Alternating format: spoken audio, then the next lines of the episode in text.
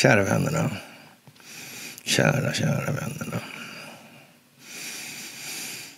Fantastiskt. Det är mycket fantastiskt nu för tiden tycker jag. Mm. Det är ju det. Ja. Jag blir alltid tårögd. Första som händer. Konstigt. Som det kan bli alltså. Mm. Tro, salighet. Salighet är ett konstigt ord. Salighet? Jag vet inte. Ja. Mycket översättningsproblem där, eller språkliga tolkningsproblem nästan på den. Va? Mm. Men en sak är i alla fall säker att tro och salighet det hänger ihop och tro är en individuell del i saken. Alltså, mm, den individuella betraktelsen. Ja. ja. Det är ungefär som det där med känslorna som bara individen kan uppleva mm, och därmed bara sina egna, aldrig någon annans. Även om man har gjort en del tarvliga försök ifrån språkvårdens sida till att, göra lite ordsallad av det där istället. Mm. Konstigt det där, hur det kan bli. Mm. Det kokar ihop lite grann. Det är så fantastiskt hela tiden. Ja, vet ju inte riktigt. Mm. Hur ska det bli med allting? Det här folkbildningsprojektet verkar ha pågått en stund. Jag tror vi kommer tillbaka till det lite grann. Ja. Mm. Skulle man ha gått med från den djupa statens sida på att man skrev sådana här grejer som är oerhört graverande idag i ljuset av verkligheten. Skulle man verkligen gått med på det? Man gav liksom slutbitar redan tidigt som är oemotsägliga. Det är konstigt. Vilken dag alltså. Mm. Den eh, 24 mars 2003, sista vardagen den här veckan. Det är fredag och det är dags för ett fredagsmys. Kan jag säga. alltså. Ja, vår kära konstnär har utökat sin, sitt sortiment. Ja, precis. Ja, det har han gjort. Den eh, fantastiska mysfittklubben där ja. Passar precis här i bildrutan här då de är måndag, onsdag, fredag. Eller så dör man liksom bara sådär. Mm. Jaha. Mm. Det är ett begränsat antal där under en viss tid av en given anledning faktiskt. Så där är det. kan man tänka på nu. Mm. Det kan man tänka på nu. Kommer inte köras igen faktiskt.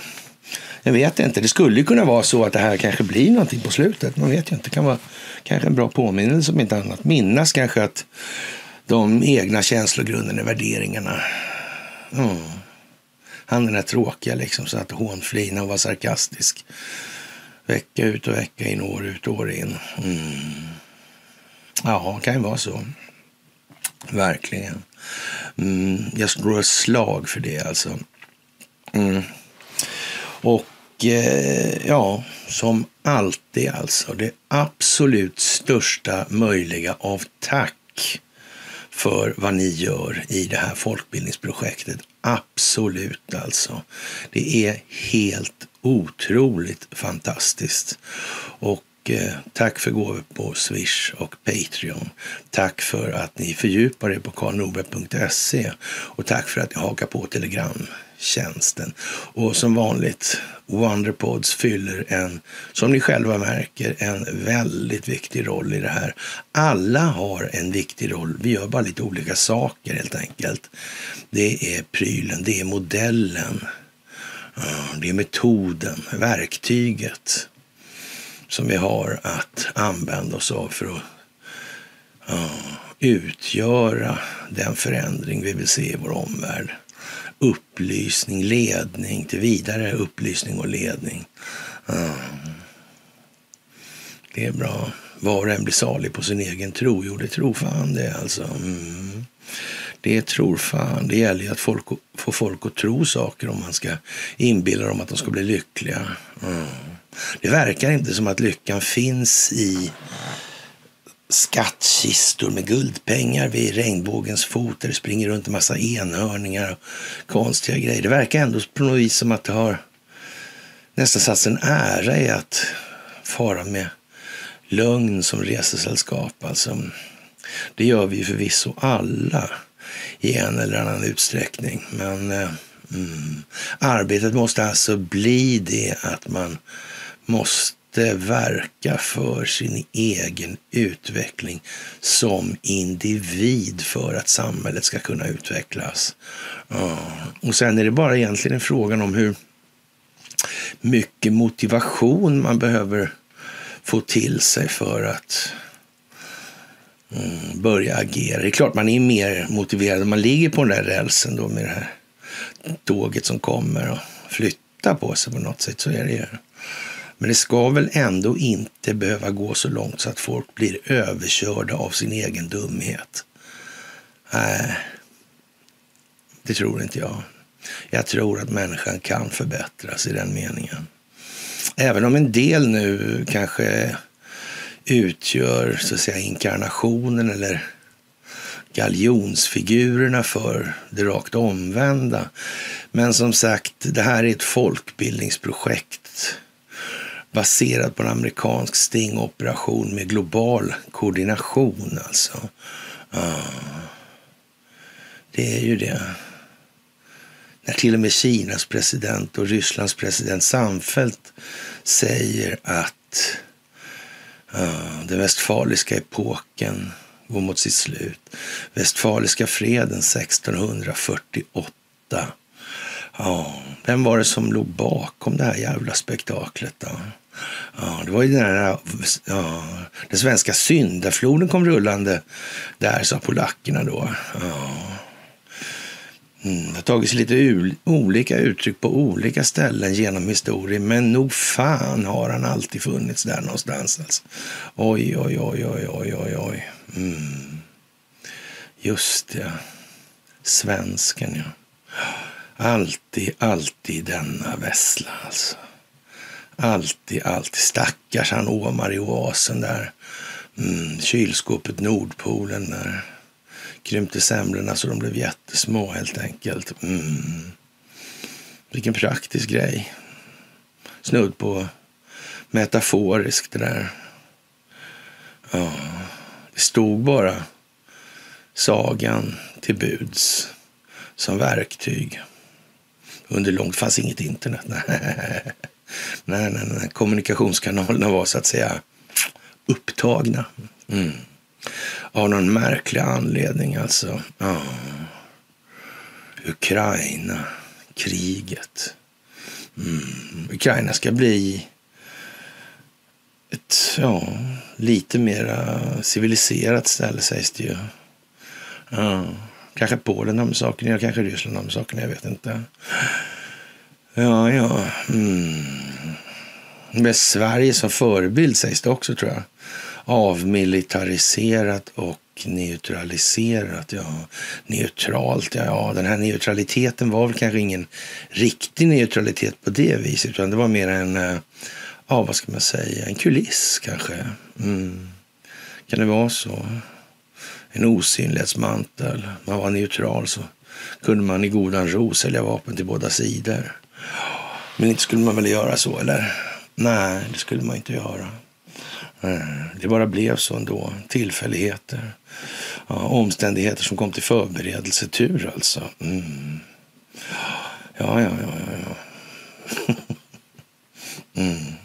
Det är mer eller mindre givet nu. Alltihop, faktiskt. Ja, BB39 där, Arizona. Oj, vilken jävla oflyt. Ja, Carrie Lake där. Mm. Ja, undrar om det har något med Sverige att göra. Mm. Jag tror... Eh, jag tror att Ericsson Report har med saken att göra Arizona. Det är ett stalltips från min och vår sida i det här faktiskt. Jag skulle tro det kommer mer i den ändan. Ja. Jag vet, kanske koordinerat. Vem vet, det kan vara koordinerat i alla fall. Jag vet inte. Hur som haver i den meningen avmilitarisering deluxe nu alltså. Sverige ska skicka stridsvagnar och luftvärnssystem till Ukraina uppger statsminister Ulf Kristersson på en presskonferens i Boden. Ja, enligt TT. Enligt Ekot rör det sig om ett tiotal stridsvagnar av typen Leopard 2 samt delar till luftvärnssystem av typen Iris T och Hawk. Det handlar om vad Ukraina behöver och vad de prioriterar högst och det handlar om vad ett eget land har och förfogar över, säger Ulf Kristersson. Ja, han har brutit barnhandel eller kanske han inte har förresten, förlåt. Jag kommer tillbaka till det kanske också, jag har ingen aning. Det, det är ju sådär lite med de här grejerna. Mm. Enligt nyhetsbyrån AP har Polen som första land levererat sina stridsvagnar till Ukraina. Stridsvagnarna ska ha anlänt i samband med att Polens premiärminister eh, Mateusz Morawiecki besökte Kiev under fredagen. Tidigt på fredagen publicerar Kina lustigt nog alltså, också en plan för fred i Ukraina där man bland annat sa att dialog och förhandlingar är den enda hållbara lösningen på Ukraina-krisen. Jag tänka sig. Ja, det är ju det. Det blir liksom, om man för fram argument som motparten inte kan bestrida, som ja, leder till saklig grund i en logisk konsekvent kedja, då blir det ju lite som det blir. Nej, jag vill inte, duger inte. Femåringen är liksom inte beslutsfähig i de sammanhangen. Nej, det är den inte. Nej, det är därför man har myndighetsålder till exempel. Några saker är, är rätt därför det skulle bli fullkomligt uppenbart att man hade gjort hela systemet för att folk skulle hamna oh, i vanmakt. Mm. Där får man smyga istället. Ja, det är ju lite lustigt. Tolvpunktsplanen uppmanar båda parterna i konflikten att vara återhållsamma och undvika att attackera civilbefolkningen och förordar även ett stopp av ensidiga sanktioner. Men det kinesiska programmet fick svala reaktioner när EU-kommissionens ordförande Ursula von der Leyen, Estlands premiärminister Kaja Kallis och Natos generalsekreterare Jens Stoltenberg höll en gemensam presskonferens i Estland under förmiddagen. Kan vi gissa på i anledning av det här kanske lite grann också. Mm. Von der Leyen sa, ville inte ens kalla det för en fredsplan utan sa att EU kommer att granska Kinas principer med utgångspunkten att Peking redan har valt sida, vilket man absolut inte kan säga att EU har gjort då alltså. Nej, det är en neutral och opartisk historia eh, som ett gammalt CIA-projekt som det faktiskt är. Det är ju lite så. Mm, både hon och Jens Stoltenberg poängterade också att Xi Jinping och Vladimir Putin bara dagar innan invasionen inleddes undertecknade ett avtal om gränslöst partnerskap. Ja, jag vet inte vad man ska säga. Kina har inte särskilt mycket trovärdighet eftersom de inte har fördömt den illegala invasionen av Ukraina, säger Jens Stoltenberg. Han, sa upprep, han upprepade också att USA och NATO har sett tecken som tyder på att Kina överväger att skicka vapen till Ryssland. Mm Ja, man talar om det för honom kanske, jag vet inte. Det skulle vara väldigt, ett väldigt stort misstag. Det skulle vara väldigt allvarligt, sa han. NATO-chefen poängterar att chanserna då, eller chanserna att få till stånd samtal mellan Ryssland och Ukraina är helt beroende av vad som händer på slagfältet. Ja, och det är därför det är viktigt att först ge militärt stöd till Ukraina för att de här förhandlingarna ska kunna börja då. Vilket implicit då innebär att han säger att vadå, har ni inga argument? Alltså, menar, de har inga argument alltså. Är det det han vill säga? Verkar inte det dumt? Ja, men de måste komma till en förhandlingsposition först. Intills dess så är det ingenting att förhandla om. Och, om de lyckas slänga ut eh, eh ja, legoknektarna då, då, ja, då, då tänker de förhandla. Jag vet, jag vet inte, hur, hur funkar det här egentligen? Mm. Ja, de behöver inte vara oroliga för att det ska bli några ja, liksom påföljder av det där med. Dels är inte Ukraina med i uh, ICC och dels så, alltså den internationella brottmålsdomstolen. Mm. Och dels så är ju legoknektarna faktiskt livegna i de sammanhangen. De är rättslösa liksom. Så, mm, det här hänger inte ihop riktigt numera. Det ser lite dumt ut helt enkelt. lite granne. Ja, ja, ja, ja, ja, ja. Fan vad konstigt alltså. Ja.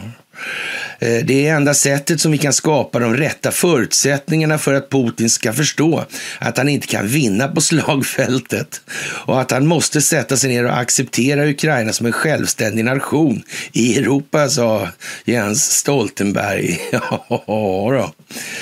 Ja, han vänder sig också mot eh, det som oroar sig för att NATOs stöd för Ukraina riskerar att leda till en eskalerad konflikt.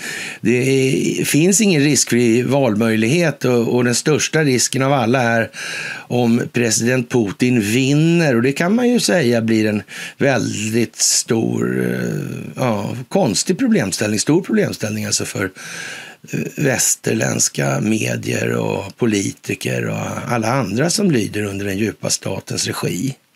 Det blir ju det. Det handlar om att bekämpa den djupa staten.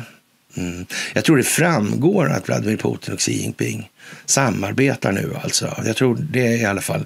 Det borde alla ha upptäckt. Ja, så. Uh. Och, och, i amerikanska alternativmedier, de behöver ju ingen alternativ alternativmedia. Det räcker med alternativmedia. Sådär där. Uh, ja, det är ju konstigt. Mm, där säger man att Vladimir Putin är med där också. Då börjar vi tänka på den här bilden direkt. Alltså. Ja, skulle Turkiet ha någonting med saken att göra? Visst, det har det med Nato. Ja, men så kanske. Ja. Fast egentligen skulle man egentligen ha MBS där. Alltså jag, det stod liksom, jag stod i valet och kvalet länge där. Alltså.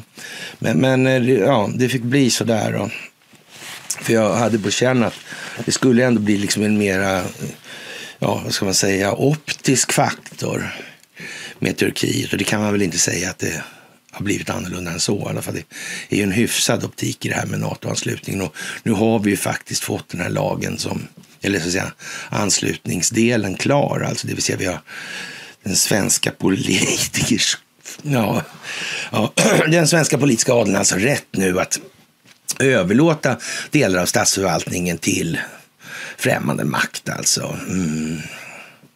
Inom EU eller NATO då. Mm. Det är ju praktiskt nu. Jag, jag säger nog nästan att uh, ja, det gick in den där alltså, med full hand alltså. Flygande färger skulle man nästan kunna säga också om man vill. Mm. Precis. Mm.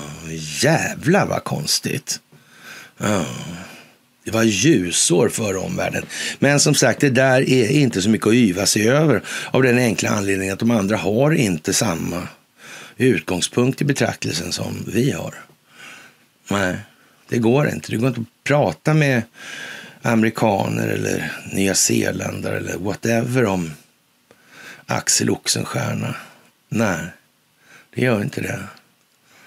Deras historia börjar långt senare. Mm. Det är bara så.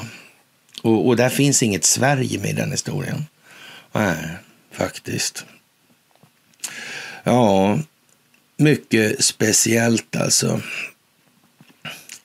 Samtidigt säger den tidigare ryske presidenten Dmitrij Medvedev, Medvedev att eh, Ryssland måste erövra så mycket ukrainskt territorium som möjligt för att kunna säkra en stabil fred. Och, och det kan man ju säga om man vill kalla det för erövra. Jag vet inte. Rövra kanske. Mm. Jag vet inte vad det är för någonting. Vill man ha det där egentligen ens? Mm. Och, ja, det, de galna maktambitionerna då kanske. Eller, ja. ja. I ett inlägg i sociala medier skriver han att Ryssland måste trycka bort hoten så långt som möjligt, även om det är hela vägen till den polska gränsen. Ja, man kanske inte ska ha långdistansmissiler grupperade nära den egna gränsen. Det tror jag är en dum grej. Mm. Det kan det vara. Mm. Det kan bli fel där helt enkelt. Då. Ja, och eh, i ett videosamtal som släpptes under dagen då, igår då tror jag var, upprepade Ukrainas president Zelensky eh, sitt budskap från morgonen den 24 februari för ett år sedan då, då han sa att landet står redo att härda ut vad som helst. Alltså, vi är starka, vi är redo för vad som helst. Vi kommer att besegra alla, sa han. Och det kan ju stämma faktiskt. Vi kommer att besegra alla, ja. Mm. Så kan man säga. Senare under dagen kommer ledarna för G7-länderna hålla ett digitalt möte för att tillkännage nya sanktioner mot de som hjälper eh, Ryssland i sin krigföring. Men redan innan mötet tillkännagav Storbritannien att man inför ytterligare, inför ytterligare förbud för exporter till Ryssland av alla föremål som används på slagfältet samt ett importförbud för järn och stålvaror. Ja, även EU väntas tillkännage nya sanktioner med ett tionde paket riktat mot Ryssland. Mm. Representanter för unionens medlemsländer har suttit i förhandlingar om paketet sedan i onsdags. Men sent igår kväll eh, hade man fortfarande inte nått någon överenskommelse och förhandlingarna ska återupptas under förmiddagen. Och Kina har redovisat sin fredsplan och, och man undrar ju nyfiket då alltså hur man emotsäger de här punkterna riktigt. Det verkar konstigt faktiskt. I fredsplanen för Ukrainakriget som presenterades på fredagen idag alltså, uppmanar Kina de två parterna att eh, respektera alla länders rätt till suveränitet, överge kalla kriget-mentaliteten. Vilka tjänar mest på den där förresten? Ja. Ja. Återuppta fredssamtal, lösa den humanitära krisen, skydda civila och krigsfångar, se till att hålla eh, kärnkraftverk säkra, minska strategiska risker, underlätta spannmålsexporter, stoppa alla ensidiga sanktioner, säkerställa stabila leveranskedjor, främja återuppbyggnad. Mm. Källa då, Kinas utrikesdepartement idag. Mm. Vad säger man? Ska man säga emot de där sakerna då på något vis? Det är väl bara att lägga till vad man vill lägga till alltså. Och ha argument för det. I sak. Eller? Nej, tydligen inte. Mm. Ja, det blir rätt uppenbart det här alltså. Ja, som sagt, att skydda korruptionen kostar snart till och med smöret på mackan för svensken. Och ja, vad ska man säga? Det är ju snudd på, det är dråpligt i alla fall, det kan man ju säga. Det måste man säga. Ja, och eh, ja, bra jobbat Kina. Det kan man väl inte säga så mycket om. Det säger Madame Orsvärn till exempel i en kommentar till det här inlägget och det får man väl hålla med om alltså. Mm. Inre angelägenheter. Vi ska se att det här med inre angelägenheter, det har förekommit i andra sammanhang. Mm. Det är liksom som en slags tillbakakaka. Mm. Det är andra som har använt det. Mm. Kan det vara svenska politiker? Mm, kan det vara vid krigsslutet, andra världskriget? Ja vet inte. Kanske kan vara det. Bloggen är en Palantir. Mm. Det är massa historiska exposéer. Ja, vad konstigt. Tänk vad märkligt det blir egentligen så här. Hur det... Men ändå. Ja, ja, ja, ja, ja. Mm. Framtiden bevisar historien blir det ju till slut. Mm. Vad är vi på väg någonstans i allt det här? Vad är det som håller på att hända? Vad har de varit inblandade i under resans gång? Verkar det konvergera lite grann? Mm. Ja, jag tror det. Och, och, det här är nog faktiskt kanske det viktigaste. Ja, det ska jag inte säga, men det är i alla fall ett otroligt viktigt stycke vi kommer till här. Ja. Och som sagt, eh, det är bra med mys Hoodie, ja. Vi kommer alltså nu i ljuset av verkligheten tillbaka in på det riktigt tragikomiska i det här folkbildningsprojektet. Det är dråpligt nästan alltså. Mm. Och det har skrivits tidigare i svensk press om det här. Ja, Dagens Nyheter en gång i tiden. Men det, då var det ju väldigt glest mellan den här typen. Man skulle ju kunna to, tro att den här typen av kommunikationer skulle väcka folkstormar, men det fick inte bli så. Det fick bli lite lagom. Sådär, så det fick fäste. Mm. Jag hade då inte varit meningen att det skulle komma fram, då hade det inte kommit fram. Alltså. Så är det Det är ungefär som det här med, man diskuterar om det här med Himmler var dog han någonstans egentligen? Mm. Kom han levande till Sverige? Kanske byttes han ut mot någon mm, krigsfånge i Ryssland. Uh. Finns dokumentation på det? Visste Stalin om det här? Ja, kanske han gjorde. Ja. Var det något med utpressning där också? Ja, ja det kunde jag ha dokumentation på, ja, såklart. Ja. Mm. Så kan jag vara. Det kan ju till och med vara så att han blev utväxlad, den där krigsfången, alltså blev utväxlad och dödad skulle man kunna säga också. Det kan man inte utesluta sådär bara rakt av. Nej, nej det där är märkligt alltså. Ja. Den 2 december 1944 så ägde ett säreget möte rum på amerikanska legationen i Stockholm. Stockholm. Beskickningschefen Herzl Jonsson fick besök av sin gode vän Marcus Wallenberg i Stockholms Enskilda Bank. Wallenberg kom direkt från ett sammanträde med UD, Riksbanken och vissa affärsbanker. Jonsson fick på detta inofficiella sätt veta att nu hade den svenska regeringen beslutat att inventera de tyska tillgångarna i Sverige. Man hade beslutat det. Mm, helt självmant alltså. Tidigare under hösten hade ja, Sverige ignorerat diplomatiska noter från de allierade med krav på att vidta åtgärder för att förhindra tysk kapitalflykt till Sverige. Svenska affärsbanker och företag var enligt OSS, föregångare till CIS och Allan Dahl var, ja, inblandade i den här verksamheten. Eh, Jonsson framhöll i sin rapportering att Wallenberg och Gustav Brunkman i Svenska Handelsbanken varit pådrivande i den svenska attitydförändringen. Tänka sig, anade man möjligen eh, kanske Arjan List eller rent av en ja, mera rävar bakom öronen någonstans. Man anar ju kanske att det skulle kunna vara någonting sånt. Alltså. Jonsson måste ha höjt på ögonbrynen när detta stod klart för honom. Tidigare under året hade affärsbankerna uppvisat en avvisande hållning till OSS-mannen Ivar Olsens inviter till samarbete.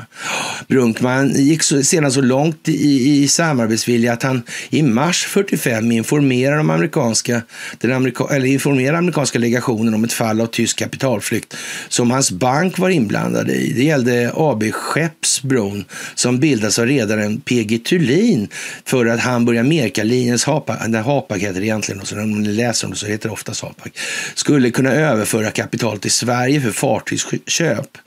Jonsson till State Department 26 i 3 1945.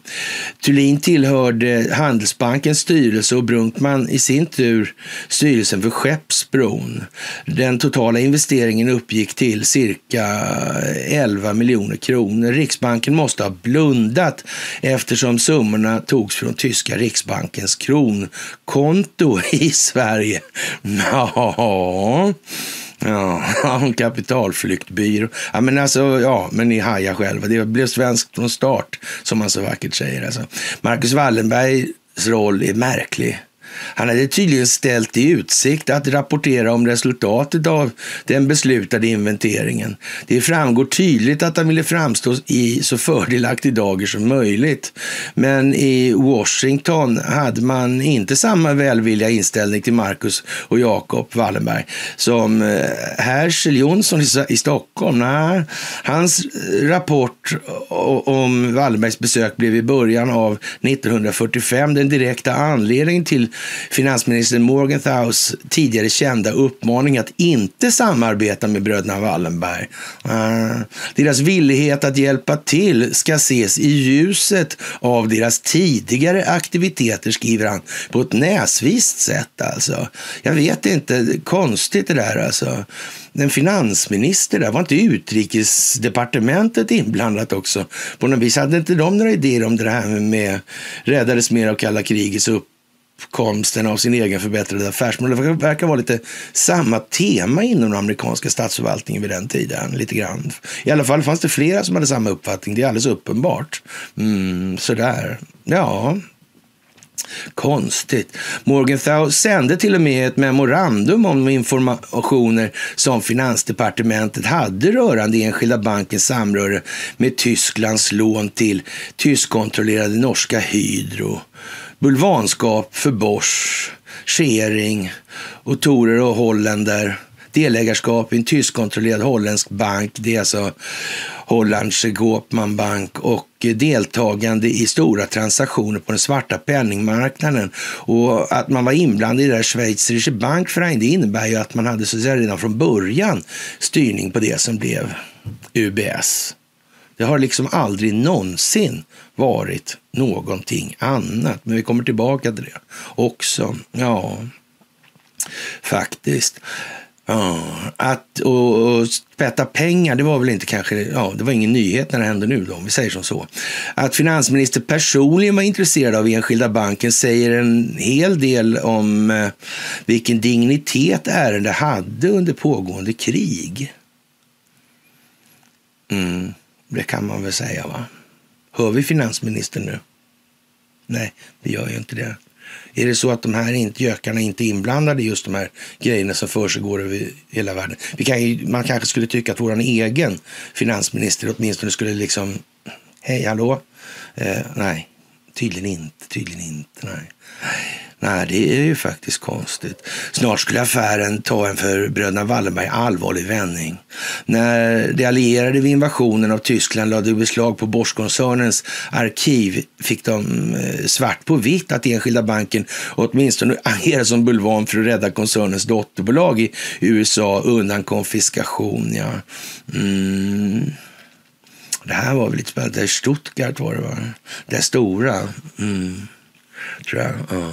Var det inte så att svenska legationen la sig i det här och gjorde inbrott och stal en massa dokument också? Jag tror det står i någon av de här böckerna om djävulens kemister. Ja. Ja. Vilket konstigt agerande. Ja. Det verkar angeläget på något vis. Det verkar vara allvarliga grejer alltså. Ja. Ingen annan svensk bank är så dokumenterad i det amerikanska nationalarkivet i Washington som enskilda banken. Det är alltså NARA. Det här som lustigt nog blev hemligstämplat en period. Jag satt och drog ut en miljon olika handlingar ur det där. Det var jättepraktiskt tänkte jag. Jag kunde inte för mitt liv föreställa mig att det där skulle bestå. Ja, det här var ju alltså början på 2000-talet, säger jag tillbaka, kanske mellan 2000, ja, 3 till 2006, 7 kanske. Jag vet inte. Där någonstans. Mm. Jag kunde inte för mitt liv föreställa mig det. Alltså. Nej. Och sen vart det bara så att det försvann. Liksom. Så kom det tillbaka. Kanske då måste taktas in en massa andra grejer. Kanske den strategiska planeringen för opinionsbildningen, upplysningen, folkbildningen. Kanske måste den taktas in för att det ska kunna koordineras, för det går inte att ta det här i olika faser så tillvida med en internationell företeelse som ska motverkas. Och sen har den all kraft kvar på några håll och sådär. Och sen ska man försöka komma åt den på ett ställe här, så har den jättemycket kraft kvar här borta. Det går fan inte. Nej, det går inte Alltså, Man måste ta det på tillräcklig bredd. Annars så är det kört. Ja, väldigt speciellt alltså. Ja, faktiskt. Som sagt, ingen bank eller ingenting annat alltså, som jag höll på att säga, ingen svensk bank alltså, ja, under 40-talet. Men ingen svensk bank hade heller så omfattande affärsförbindelser med Nazityskland och dess ockuperade länder. Det här med monopol på kulvertillverkning i hela den naziockuperade zonen och användning av, slav, användning av slavarbetskraft och de här grejerna. Det står om det i statsoffentliga utredningen 9,20 så det är bara att läsa innantill. Alltså. Tonen mot enskilda banken är mycket hård i en rapport som den amerikanska ambassaden i London upprättade 1946. I den drog man slutsatsen att banken hjälpte tyskarna överföra obligationer till neutrala ägare. Här kopplas banken samman med Otto Wolfs företag, uppköpare av konfiskerad utländsk valuta och stulna värdepapper. Oh. Economic Warfare Safe Haven Series nummer 430 1946. I en rapport från 45 anklagas enskilda banken för delaktighet i transaktioner som gällde tyska tillgångar i Sverige. Direktör eh, Rueg i V. Ernst Bank i Bern mutade ja, enligt en hemlig källa schweiziska medborgare för att under ed underteckna intyg om att de tidigare varit i besittning av specificerade värdepapper i Sverige före ett visst datum 1940-41. Den schweiziska banken sålde sedan dokumenten till Stock sände sedan eh, dokumenten till Stockholm Stockholm där värdepappren avyttrades och, och likviden gick tillbaka till de egentliga ägarna. Uppgiftslämnaren hade själv sett sådana intyg daterade i augusti 45. De verkade vara om så kring sig då, redan då. Alltså. Ja. De allierade noterade också att enskilda banken hade samarbete med fiendebanker i Fjärran Östern, särskilt via tyska kolonin i Shanghai. Alltså. Det där har de ett sånt där borgmästarråd i alla fall, så det, men det gick över alla det här och samarbetsgrejerna då. Eller? Det blir inte löjligt här eller? Utan de har gjort comeback där på något konstigt sätt. Mm. De har inte funnits där hela tiden. Nej. nej, nej, nej, nej. Är det några speciella tidpunkter man ska känna till här? När de liksom lämnade och kom tillbaka och när de kom tillbaka och sådär. Är det så de tänkte man ska förstå det här? Jag är osäker faktiskt. Kan någon tala om för mig? Jag vet ju inte. Men, eller hur? Men det måste ju vara så här, alltså konstigt. Ja, ja, ja. ja, ja. Tyska kolonin i Shanghai just, ja. Ja, borgmästarens råd, ja. Men, ja. Och, och, konstigt alltså. När det idag eh, har utgått Eh, regeringspåbud om att alla stenar ska vändas i fråga om Sveriges agerande under världskriget kan givetvis inte enskilda banken utgöra ett undantag som det kommer att göra. Det är jättekonstigt alltså. Bröderna Wallenberg eh, gjorde ovedersägligen Sveriges stora tjänster i de handelspolitiska förhandlingarna. Nu ska vi inte överdriva kanske, men det, det är klart att motivet måste vara landets bästa, inte främst deras egen plånbok alltså. Men okej, okay, vi vill låtsas som att det inte är så då. Ja, även om det ibland syns synes haft svårt att skilja på sina dubbla roller. Ja, det är ju det liksom som är lite problemet ibland till synes svårt. Och kanske kan vara så rent utav att de gjorde några saker för att det inte skulle bara vara sånt som gynnade dem. För det hade kanske möjligen sett lite för dumt ut. Det hade liksom inte gått klart då i den allmänna opinionen. Ingen politiker hade kunnat ställa upp på det här och, och, och påstått liksom att Nej, men det här är för ert bästa, när alla kunde se att det var det ju inte alls. Nej, det, det är ju så va. Ja, jättemärkligt alltså. Ja. Det är fantastiskt alltså. Ja, svårt att skilja på dubbla rollerna, tänka sig. Ja. De sitter alltid på dubbla roller, det är också konstigt. Genom sin affärsverksamhet har de också många värdefulla kontakter med den tyska borgerliga oppositionen. Ja, mm, borgerliga oppositionen ja. Mm. Man kan väl säga så här, det låter ju precis som att man finansierar båda sidor då i vanlig ordning alltså i Tyskland. Men så kan det väl inte vara? Då skulle ju någon ha sagt något hur lätt som helst. Eller? Det måste ju vara så att någon hade sagt något då. Ja, fan det är konstigt alltså. Ja. Diskutabel är givetvis enskilda bankens samarbete med tyska banker och storföretag, vilket inte, inte utan vidare kan särskiljas från den nazistiska statsapparaten och förda politiken. Utan tvivel var bröderna Wallenberg genom sina gamla kontakter välinformerade om de stora förändringar som skett i den tyska bank och affärsvärlden då genom judeutrotningen. No. Ja, man kan väl säga att alltså, reformationen av det tyska bankväsendet måste ju ändå inneburit vissa bankkontakter. Man kan tro det i alla fall. Mm. Och sen gick det lite, eh, ja, kom det en skiftnyckel i växellådan där när ja, Aristide Briand blev ordförande förbi så fick de vänta en stund där alltså. Mm. Ja, ja. Men Hitler hade ingenting emot BIS. Eh, Nej, i Basel, Schweiz. Nej, just det. Och den här schweizeriske bankverein. Ja, det var ju väldigt konstigt det här alltså. Ja. Just det, ja. Undrar om man hade fingrarna på bankreglering. Varför, var Åsa-Nisse, varför var han chef för uh, uh, den här Baselkommittén alltså, som sköter bankregleringen? Varför var han chef för det i tusen miljoner år? Kanske därför han ser ut som Åsa-Nisse egentligen. Han var det väldigt lång tid alltså. Ja, den där mandaten är ganska långa.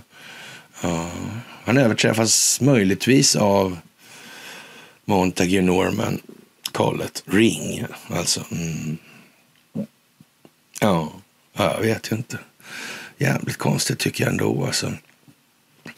Och en lite anmärkningsvärd grej, det kommer nu, det är det här. Och det har jag tjatat om många, men det går liksom inte att hitta på så mycket på honom. Och jag vet att det finns i stugorna. Så nu tar vi, honom, nu tar vi honom alltså.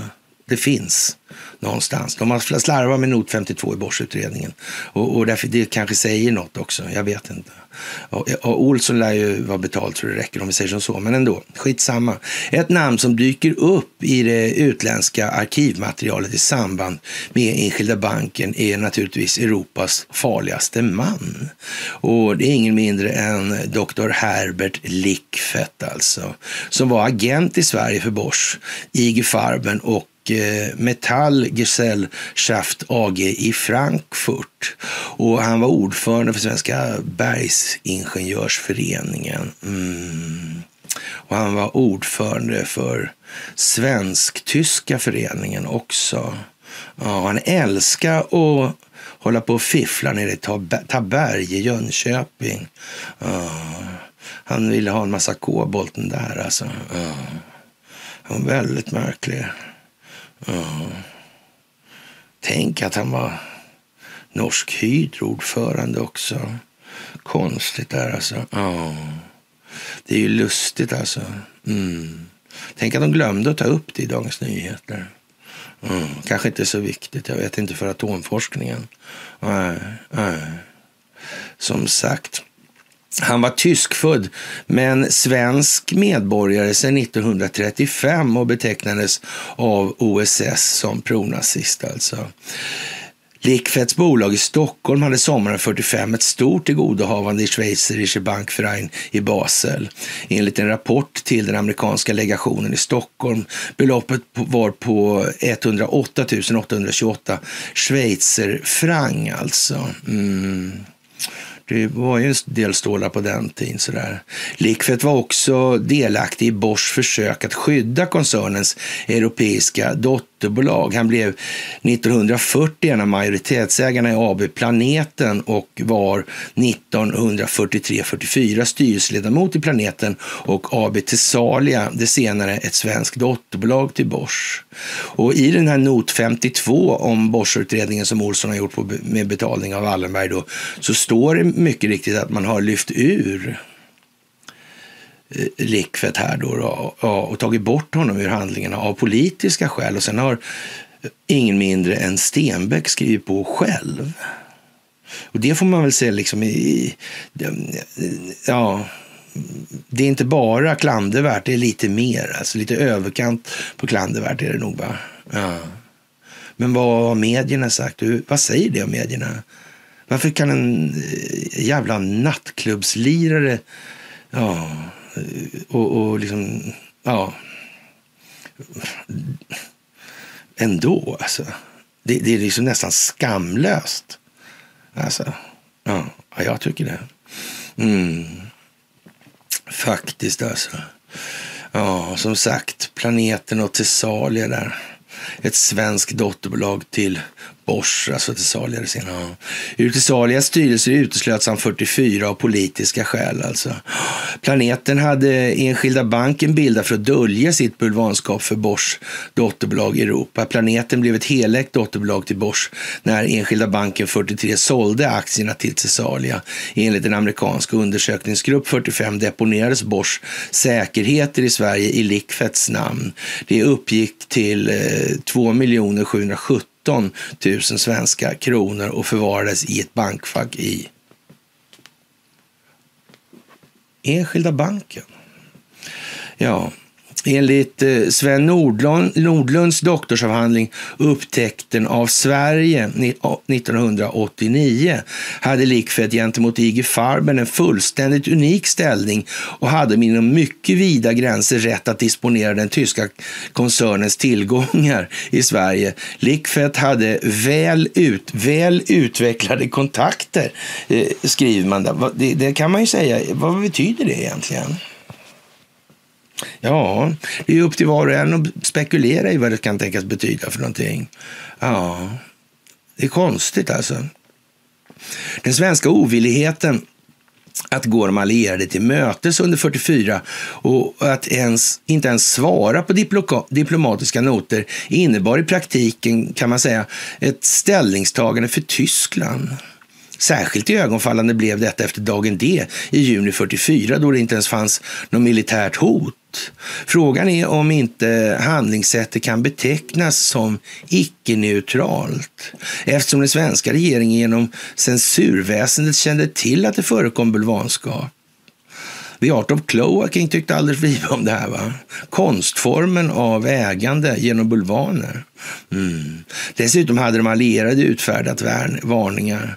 Med den kännedom som samlingsregeringen hade om konfiskation och plundring av judiska företag och förmögenheter, alltså ariseringen då, ariseringsprocessen, så måste det ha stått klart att delar av kapitalflödet i Sverige ja, kunde ha haft sånt ursprung. Ja, det stod ju det i efter som avslutning på 99 kolon 20 där. Mm. Att det gick inte att utesluta, men det fick vidare utredningar visa. Men då hade man ju tack och lov ja, en guldgruva man kunde smälta ner saker i. Det var ju fan så påpassligt och den fick man tag på när Kryger gick och sköt sig. Jaha. Mm. Och det här var ju liksom alldeles precis innan arresteringsprocessen drog igång där. Han sköts ju på våren 32, där drog igång 33. Men det tog ända till 38 innan de upptäckte att Warburgbanken var ägd av några som kallade sig för judar. Det var fem år tog det för Hitler och det är klart att det inte gick så bra med och krigandet om, om man var, ja så att säga, inte mer uppmärksam än så på omgivningen. Nej, Nej det är klart. Det, det kan vara en förklaring. Det vet man ju inte riktigt alltså. Ja, jättekonstigt alltså. Mm. Ja, jag vet inte. Den svenska tystnaden spädde på den irritation som redan fanns på allierat håll på grund av den ökade kullagerexporten till Tyskland. Ja. Mm. Men så flyttar man ju över mycket dit också under tiden. Ja, tillverkning och försäljning hade man ju monopol på i hela den AC-ockuperade zonen. Var inte det praktiskt? Mm. Men hur i helvete kunde Hitler och grabbarna gå med på det? Och sätta sig så i knät på de företagsintressena. Var inte det konstigt gjort? Alltså snacka om att ge bort kontrollen över strategiska produkter. Mm. Jag tror inte liksom det blir mycket dummare under människans historia forever alltså. Ända brak från början till slutet om vi säger så. När inte människan finns längre och jorden är borta. Så vet inte jag om inte det här kanske är top notch alltså. alltså allvarligt talat. Hur fan kunde det bli så? Ja, det får man fråga sig faktiskt. Det får man fråga sig många gånger. Och, och hittar man något annat svar, att det kan nog inte bli så där liksom riktigt, om inte det är meningen helt enkelt. Så där, alltså. Ja som sagt ja, en ökade kullagerexporten till Tyskland. Skälen måste ha varit mycket starka, ja det kan man säga. Alltså, kanske fruktar man på svenskt håll att ett samarbete med de allierade skulle kunna få till följd att eh, diskutabla och för Sverige obehagliga affärstransaktioner kom upp till ytan och, och att det var därför det var bäst att ligga lågt. Ja, men så kanske det kan, så kan det nog ha varit. Ja, precis. Så kan det ha varit, ja. Just det. Mm. Så kan det ha varit. Ja. De allierade var inte nöjda med den svenska eftergiften i december 44 och frågan hamnade sedan i ett dödläge. Först i april 45 förklarade Sverige att alla direkta och indirekta tyska intressen skulle blockeras. Men motsatte sig bestämt att representanter för de allierade skulle ingå i ett svenskt kontrollorgan. Mm, det skulle nämligen vara ett oberoende kontrollorgan. Mm, mm. Det stred mot svensk rättstradition att lämna ut information information om tyska egendomar. Ja, och så kommer det här alltså. Och mark my words to the letter nu alltså. Det här har några bitmärke i det som kommer nu. Ett sånt krav var en inblandning i inre svenska angelägenheter. Men tack för kaffet. ja, men eller hur? Är inte det lite sådär? Det måste jag säga, jag blir nästan tårögd. Det är ju helt otroligt alltså. Va? Det hade de fått någonstans ifrån, ja. Och det här skrev man alltså i en, alltså en offentlig kommuniké, eller en offentlig diplomatkommunikation alltså. Mm. Tänk vad konstigt alltså. Ja. Först sommaren 45 fick frågan en lösning. Då antog riksdagen en lag om restitution av rövad egendom, den så kallade kontrolllagen. En statlig myndighet inrättades, alltså Flyktkapitalbyrån, som skulle kontrollera och administrera de tyska tillgångarna. Vid denna tidpunkt hade den tyska kapitalflykten märkligt nog börjat avta alltså. Jaha, vad konstigt. Ja, ja. Eh, det allierades svartlistning av svenska företag och privatpersoner föll definitivt inte god jord. I all synnerhet som den haft stor effekt. I en hemlig handelsrapport hösten 44 konstaterades att respekten för denna svarta lista och rädslan för att bli upptagen på densamma är mycket stor bland affärsmännen. Det där med Sverige och svarta listor alltså. Hmm, ja. Trots att det steg mot, stred mot svensk lag lämnade affärsmännen ut upplysningar till utländska legationer, påpekas det. Ja, tänk att de tänker på sig själva redan då alltså. Mm. I ett, en strängt förtrolig promemoria på UD i mars 45 fastslogs att svartlistningssystemet var främmande för svensk mentalitet. Att det innebar en direkt överträdelse av svensk lag. Ja, att denna främmande kontroll och övervakning lätt gav ett intryck av förmyndarskap som känns förödmjukande för ett frihetsälskande folk. Facepalm alltså. Mm. Ja. Det, det, här är inte på skämt alltså. Ja. Det konstateras samtidigt att listan inte vållat den svenska utrikeshandeln några olägenheter. Tvärtom eh, har den i många fall varit till nytta de svartlistade företagen har exempelvis ofta haft lättare att ta hand om importen från Tyskland. Det har ju inte haft att frukta. Så krast kan man också se på saken, minsann så krast alltså. Författaren till promemorian var byråchefen Tage Grönvall. Ja, gamla fina han ja. Mm. ja. Han blev senare ombud för Sverige i förhandlingarna i Washington 45 och 46.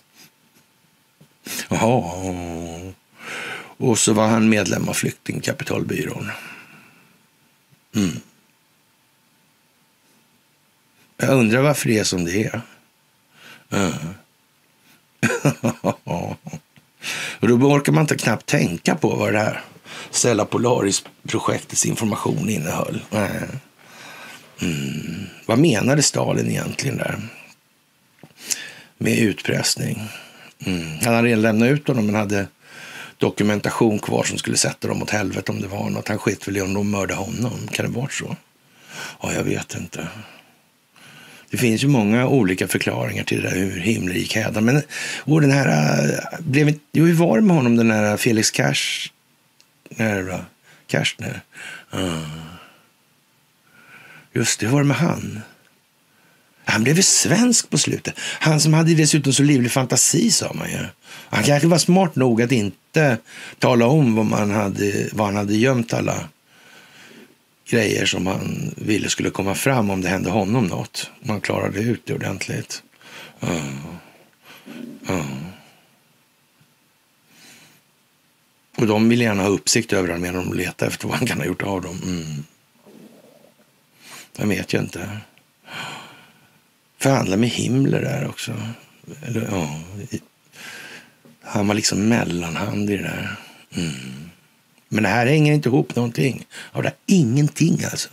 Det är helt oberoende alltihopa. Mm.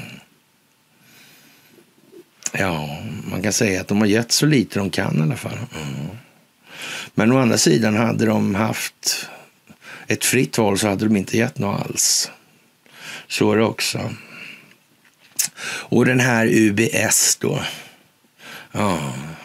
Kommer det någonting som heter då Schweizerische Bankverein eller Swiss Bank Corporation? Mm. Är inte lustigt idag? Jo, faktiskt. Ja. Det här med avnazifiering, är inte det konstigt alltså? Ja. Faktiskt. Vi behöver inte alltid gå så långt tillbaka som till Axel Oxenstierna. Nej, det behöver vi inte göra. Vi kan ta lite om vad som utspelar sig på 1900-talet gällande kopplingarna. Uh, extremt kooperativa visar sig Wallenberg om Wallenberg som tyskar vill utnyttja sina krigsbyten. De arbetade också nära, nära Hollands eh, Koopman Bank, alltså, och, som var huvudägare i eh, Royal Dutch Shell. Mm. Det är ju lite speciellt kanske. Ja, Otto Rebol Banks i Nederländerna som uteslutande belastades med försäljningen av judiska värdepapper som beslagtagits av Gestapo, SS och SA. Tyskarna använde bland annat utdelningen för att betala de nederländska järnvägarna för transport till utrotningslägren.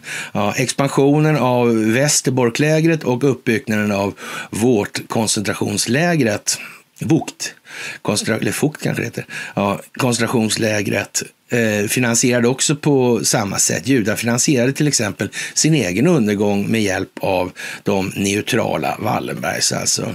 Och men kusinen han arbetade alltså åt andra hållet. Då. Och, och det vill man att folk ska tro på i det här. Mm. Det kan man ju tro. Ja. Det var ju lika bra att slänga alla rika in i det där och ta av dem om de hade. Och, och de som inte skulle, så att säga, uh, utgöra någon strategisk nyttotillgång i den meningen. Uh. Man gällde akta för återvinningen där. Det var ju det hela tiden om det skulle gå fel i kriget. Väldigt märkligt alltså. Mm.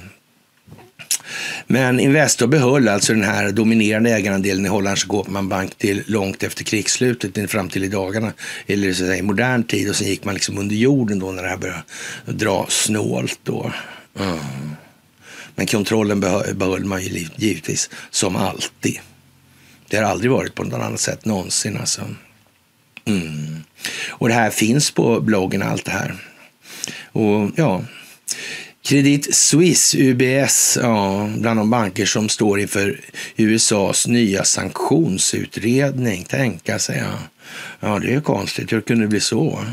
Credit Suisse och, och UBS Group AG mm, granskar sin undersökning av amerikanska justitiedepartementet om huruvida finanspersonal hjälpte ryska oligarker att undvika sanktioner, rapporterar Bloomberg News om i torsdagen. Och samtidigt som det här sker då så släpper släpper man då på Oleg Deripaskas som i alla sammanhang anses alla mediala sammanhang anses vara Putins favorit, bästa, största, värsta, dyraste superoligark. Mm. Som till och med försöker stjäla Putins penna en gång i tiden. Ja. Mm. För att riktigt markera att de är jätteovänner. Mm. Han ville ta en penna av honom. Då, sådär. Ja, det är konstigt alltså. Mm. Ja. Och är det riggat det här tro? Kan det vara det? Är det optiken liksom som gör att människor ska få en bild som ska mm, väcka en tanke, som ska skapa en känsla? Mm. Som kanske inte stämmer med den känsla som fanns tidigare. För man kanske inte ens visste om de här grejerna. Nej, det kanske inte var så att man gjorde det. Nej. nej. Ja, faktiskt jättekonstigt. Alltså. Justitiedepartementets förfrågningar syftar till att identifiera vilka bankanställda som hanterar sanktionerade kunder och hur de här kunderna granskades under de senaste åren, rapporterar Blomberg. Undra om det där är geofensat alltså. Det kan det väl ändå inte vara? Eller kan det det? Kan det vara koordinerat på så vis? Ja, det verkar ju inte bättre alltså. Det verkar ju precis som det här är en riggad teater. Mm. Faktiskt. Och att regin ligger långt bak i tiden. Det skulle inte förvåna mig om det till och med har, ja, det har skrivits filmmanus. Det är nästan färdig regi till teaterpjäser som kommer komma. Ja. Så alltså. Ja. Kanske är folkbildningen går brett nu. Betydligt mer brett än tidigare i alla fall, det kan vi konstatera. Ja, det går liksom inte att missa. Man kan inte säga att det här inte sitter ihop, det som jag sitter och berättar här nu. Alltså det är ingen som kan säga det. Nej. Det är inte det. Och den här dagen när vi, ja, eller Tobbe, Tobbe går live med sin, eh, ja, klädd Kollektion, liksom. Mm. Det är inte det enda som händer idag kan jag meddela. Nej. Man skulle kunna tro att det är koordinerat. Det kan man tro faktiskt. Ja. Credit Suisse och UBS avböjde att kommentera medan justitiedepartementet inte omedelbart svarade på Reuters mejlade förfrågningar om kommentarer. Ja, justitiedepartementet har försökt pressa ryska oligarker genom sanktioner, beslag av tillgångar och brottsutredningar. Mm, ja, det blir ju Vladimir Putin väldigt ledsen för. Ja, sluta stödja Rysslands president Vladimir Putin efter landets invasion av Ukraina. Men är inte bara för dem då att säga att nu slutar jag stödja honom här. Ni får skriftligt på det alltså. Ja. Och sen får de tillbaka alla sina pengar. Går inte det? Varför går inte det då? Det var ju liksom om justitiedepartementet har försökt pressa ryska oligarker genom sanktioner, beslag av tillgångar och brottsutredningar att sluta stödja Rysslands president Vladimir Putin efter landets invasion. Ja, men det verkar ju jätte, jättemärkligt helt enkelt. Hur ska de bevisa det, att de inte gör det? det, det ja. Ska de bevisa att de är oskyldiga? Jag vet inte om den här, oh, vad säger man? Oskuldspresumtion, vad tror jag det heter? Ja, det heter det. Oskuldspresumtionen, antagandet om att man inte är skyldig förrän det måste bevisas. Det är, det, det är själva skulden som ska bevisas. Alltså, alltså, ja, ja, ja. Nej, jag har oskuldsbälte på mig så jag kan inte vara jag. Liksom. Men du har ju nyckel till det. Ja, nej, jo, jo ja, men det har jag inte använt. Ja, ja. ja, jag vet inte, det är konstigt det där alltså. Lattjo, ja. Som sagt, ja. Två ord blir början på slutet för en av världens mest anrika banker. Den saudiske Ammar al Kudairi, ordförande för Saudi International Bank alltså. Han säger absolut inte. Ja. Han fäller de två den tvära kommentaren på onsdagen den 15 mars. Han har just tillfrågats om han är beredd att satsa mer pengar på krisande Credit Suisse. Den saudiska banken, den saudiska banken, äger, bank, banken äger redan nästan 10 procent av den schweiziska bankjätten som nu står med mössan i hand och ber om mer, alltså det är Credit Suisse. Alltså. Al-Qudairi är iskall, förklarar att han eh, redan köpt 9,88 procent av bankens aktier året innan och inte är intresserad av att köpa mer i nuläget. Han skyller på regelverket. Men i själva verket anar han eh, kanske vartåt det barkar. Ja i själva verket kanske han vet att det här är planerat. I själva verket kanske han vet att eh, Mohammed bin Salman är inblandad i den geopolitiska utvecklingen. Mm. Och att banksystemet är en del av ekonomin inom geopolitiken. Kanske, kanske vet han att Muammar Gaddafi sa att Schweiz, det är inget land, det är en gangsterliga. Kanske nummerkonton är någonting som används för att gömma pengar. Mm. Ja, man vet ju inte egentligen. Nej, det gör man ju inte. Ja, som sagt, Credit Suisse-aktien rasar och krisbanken förlorade drygt 10 miljarder schweizerfranc, alltså 12 miljarder dagligen. Förmögna kunder fortsätter att plocka ut pengar från den 167-åriga banken medan de globala marknaderna gungar. Amerikanska tillsynsmyndigheter har just tagit kontroll över Silicon Valley Bank sen 42 miljarder dollar drogs tillbaka på en dag bara. Ja. Knappast eh, ana al Kudairi att hans besked skulle få en sån snöbollseffekt. Eller så är snöbollseffekten den som åsyftas med al-Qudairis agerande. Kan det vara så? Eller rättare sagt, är det bara idioter som håller på i de där sammanhangen som vi ena dagen ska se upp till och beundra? Mm. Och nästa dag visar de sig de var kompletta idioter utan förmåga till en enda logisk tanke följd av en annan. Det verkar inte det konstigt. Är de verkligen så dumma i huvudet? Girigheten är visserligen begränsande i så mått. Uh. Men så in i helvete, är det verkligen troligt? Nej, det är inte troligt. Så det, det tror jag bortser lite ifrån det där. Ja, som sagt. Ja, förtroendet eh, rasar när Credit Suisse största investerare säger att han inte längre är intresserad. Ja, det kunde han inte räkna ut alltså. Aktien störtdyker med 30 procent till rekordlåga 1,69 schweizerfranc på denna ödesdigra onsdag. Ja, tänk att inte, han hade inte en enda rådgivare som kunde säga att det här är dumt sagt. Alltså, skulle kanske eh, ja, vända dig till några till och se om ni kunde göra upp en strategi för och, ja, det var jättekonstigt alltså. Världens blickar vänds mot Schweiz då, samtidigt som blodtrycket ökar på den europeiska centralbanken och det amerikanska finansministeriet. Går Credit Suisse omkull kan följderna bli katastrofala, nästan oöverblickbara. Tänk om man man pressar liksom fram det här på något vis då alltså.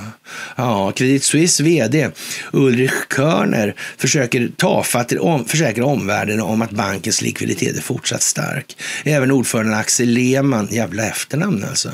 Mm, så här i bankkraschtider och så. Verkar, så namnet verkar förpliktiga till ja, tvivelaktigheter. Alltså. Spelar lugn och säger att statligt stöd inte är ett ämne för att återupprätta förtroendet. Vårsolen skiner i Zürich på torsdagsmorgonen, eh, men inne i Credit Suisse bankpalats på prominenta paradplats så syns trötta ögon efter en pressad natt och fortsatt aktieras. Ja, tänk alltså, konstigt. Schweiziska centralbanken beslutar att försöka stoppa förtroendekrisen och ger en likviditetsgaranti på 50 miljarder schweizerfranc, drygt 560 miljarder kronor. Alltså. Livlinan får Credit Suisse aktien att rusa 32 procent. Men, men sen sjunker den igen alltså. Miljardlånen räcker inte. Ingen verkar tro på banken alltså.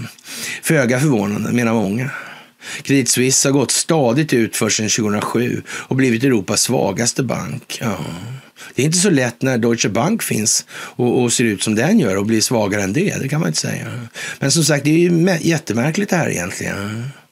De italienska bankerna har ju ja, Montepaschi där, alltså Montepasca nästan, för att vara lite finsk. Alltså. Ja. Äldsta bankerna. Men, de som var så in i helvete i blåsväder här förleden. Och rent historiskt, om man ser tillbaka till 1345, så har väl inte så att säga, italienska banker alltid varit en framgångssaga? Va? Nej. Jag tror inte det. Jag tror inte det. Mm. De är netsianska bankiren och Florens. Ja. Jag vet inte, men det vart ju pandemi också kan man säga. Ja, det vart ju det. Ja, vad tur att inte ja, de här epidemiolo epidemiologerna mm, fanns då. Ja, det fanns, Bo Jonsson Grip fanns just det. Ja, det blev som det skulle ändå, då, så att säga. Mm. Ja, ja, det är ju lite speciellt alltså. Mm. Några exempel på hur det här går inte så bra, liksom när det har blivit en skamfläck i bankparadisets face numera. Och, ja, eh, investeringar i finansbolagen Greensill Capital och Arkego slutade bittert när båda gick omkull inom loppet av några veckor 21. Och, och man gjorde kredit, Swiss då gjorde miljardförluster Banken har också bötfällts, bötfällts för inblandning i en korruptionsskandal i Mosambik och dömts för penningtvätt, alltså i samband med bulgarisk, en bulgarisk kokainkartell. Och, och, eh, jag vet inte om Muammar Gaddafi har totalt fel i de här sammanhangen, men det har ju blivit på något vis sådär att eh, mm, det är väldigt omhuldat det där. Och det är ju någonstans där sen, eh, ja, typ i Wien 1814, 1815 som det har blivit sådär konstigt. Ja. Just det, det var ju det där äh, landet där också. San Marino var med där också. Ja. Var inte han med också i, i de här sammanhangen när det gällde de där neutrala länderna som Sverige och San Marino i alla fall? Ja, vad hette han då? Han som bilen där. Polisbilen som. Han som åkte dagen innan i en snurrande polisbil. Ja, ja. ja Vilks va? Ja, just det. Han ja. Ja, det där är ju konstigt. Och hans land där som förklarar kriget, det var jättemärkligt ju. Ja. Det är inte konstigt det där, så att inte folk ser att det... Men kan det verkligen stämma det här? Alltså, men titta här nu alltså. Det är klart det är svårt om folk inte har en aning om någonting. Ja, då är det svårt att förklara någonting också. Det finns inget att hänga upp det på helt enkelt. Nej. Nej. Ja, bankens chefer är ett kapitel för sig. Vad konstigt. Vdn eh, Tijane Tiam tvingades bort 2020 efter en spionhärva där banken hyrt detektiver för att spionera på den tidigare chefen för förmögenhetsförvaltning. Nästa vd, Antonio Horta Osorio, sparkades efter att ha brutit mot covidregler för att se både Wimbledon-finalen och Europamästerskapet i fotboll på plats i London 21. Han fräste också runt i bankens privatjet långt långt bortom budgetgräns, eller budgetens gränser. Då, då. Bankens chefer ändå kammar hem miljardlöner. Brady Doan som var vd mellan 7 och 15 fick 151 miljoner, miljoner schweizerfranc, runt 1,7 miljarder kronor. Knappt något alltså. Samtidigt som aktien rasar med omkring 70 procent. Och efterträdaren Tijane Tiam fick 64 miljoner, drygt 700 miljoner kronor under tre förlusttyngda år alltså.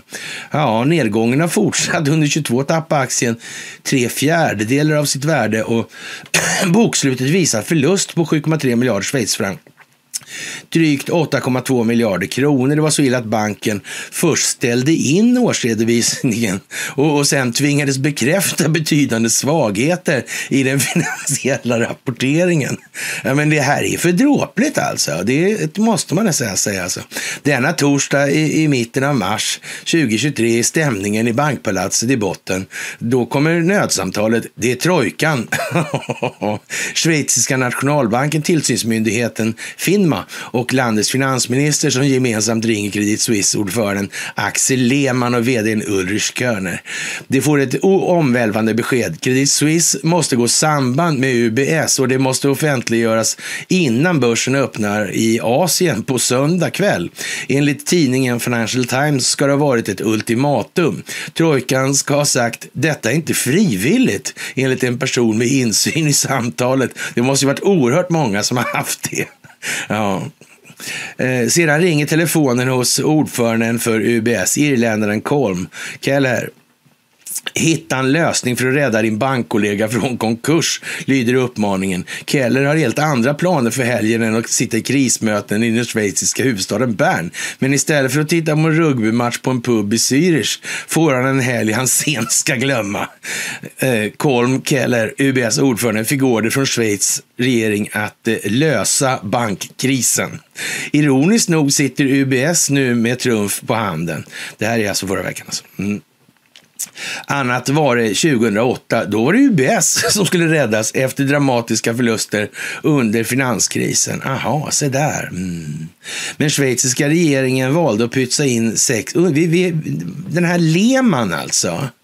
Uh, ja... Mm, det är inte han på Expo alltså. För det är ingen sån konspiration. Alltså, det är det inte. På allvar så är det inte det, tror jag. Det är ingen religiös konspiration där. Det är en rent egennyttig konspiration. Men alltså, man blir ju förundrad. Alltså, hur kan det verkligen vara? Alltså, det är som eh, Gud spelar oss ett... Ja, jag vet inte. Det är komiskt. Tragikomiskt. Whatever, liksom. Ja, det är lite speciellt, ja. Jaha, och Ehm, men den schweiziska regeringen valde att pytsa in 6 miljarder schweiz, schweizerfranc i banken istället för att låta, tillåta den köptes upp. Alltså, vid den tiden höll man fortfarande fast vid modellen med två storbanker i alplandet. Eh, som det alltid har varit helt enkelt. Idag råder ett motsatt styrkeförhållande. UBS-aktien har gått upp 120 procent under de senaste tre åren och banken har ett marknadsvärde på nästan 57 miljarder dollar. Credit Suisse-aktien har däremot störtdykt 70 procent under under samma tid och marknadsvärdet är blott 8 miljarder. Men bankräddningen 2008 ledde till ett ramaskri från allmänheten eftersom det handlade om skattebetalarnas pengar. Att göra om det här det var helt omöjligt, så fick man göra på det här sättet istället. Kanske är glansdagarna för Finansplats, Schwe Finansplats Schweiz över. Kanske kan man nog ja, faktiskt eh, sätta inom citationstecken där. Då, då. Mm. Nu sitter bankrivalerna trots allt då tillsammans med trojkan omgivna av en armé med advokater och rådgivare. De har sammanstrålat i huvudstaden Bern och känner pressen från globala tillsynsmyndigheter. USAs finansminister Janet Yellen ringer om sin schweiziska motpart Karin Keller Satter flera gånger. Kravet är kristallklart. Fixa det här snabbt. Ja, under fredagen börjar samtalet vänskapligt, men blir snabbt mer spänt. De två bankerna sitter inte öga mot öga utan i separata rum och skickar meddelanden till varandra. Hela Schweiz och halva bankvärlden väntar nervöst på ett genombrott. För schweizarna är krisen ett nationellt trauma. Det jämförs med när eh, Swissair gick i konkurs 2002. Det kan man säga var rätt blygsamt i sammanhanget. Eh, eller när banksekretessen försvann. Och när automatiskt informationsbyte av kontouppgifter i kampen mot skatteflykt infördes 2017. Det kunde man aldrig tänka sig. De här ryska oligarkerna, hade de några konton där tro? Mm. Varför kom inte det in på banan förrän Donald Trump blev president? Jaha, det kanske var så att annars hade det liksom inte gått att få något tryck på det här. Det hade kanske runnit ut då. Ja, ja, ja, men det vet man ju inte. Nej. Men De kanske, jag vet inte. Ja, märkligt alltså. Ja, I Schweiz är det här mer än bara en bank på ett fallrepet. Krisen handlar om landets identitet. Starka banker är en del av folksjälen på samma sätt som kvalitetsklockor, chokladpraliner, eh, ostar, neutralitet och folkomröstningar. Vad fan gjorde Falkengren där nere? Har ni tänkt på det? Vad gjorde Annika där nere? Det är konstigt. Ja, hon höll på med... Det var någonting med förmögenhetsförvaltning, var det inte det? Men det var inte i Credit Suisse och det var inte i UBS. Det borde varit naturligt att det var UBS, liksom med tanke på att eh, ja, de är inte kända för att släppa greppet. De har krypt under ytan. Det har de ju gjort. Alltså.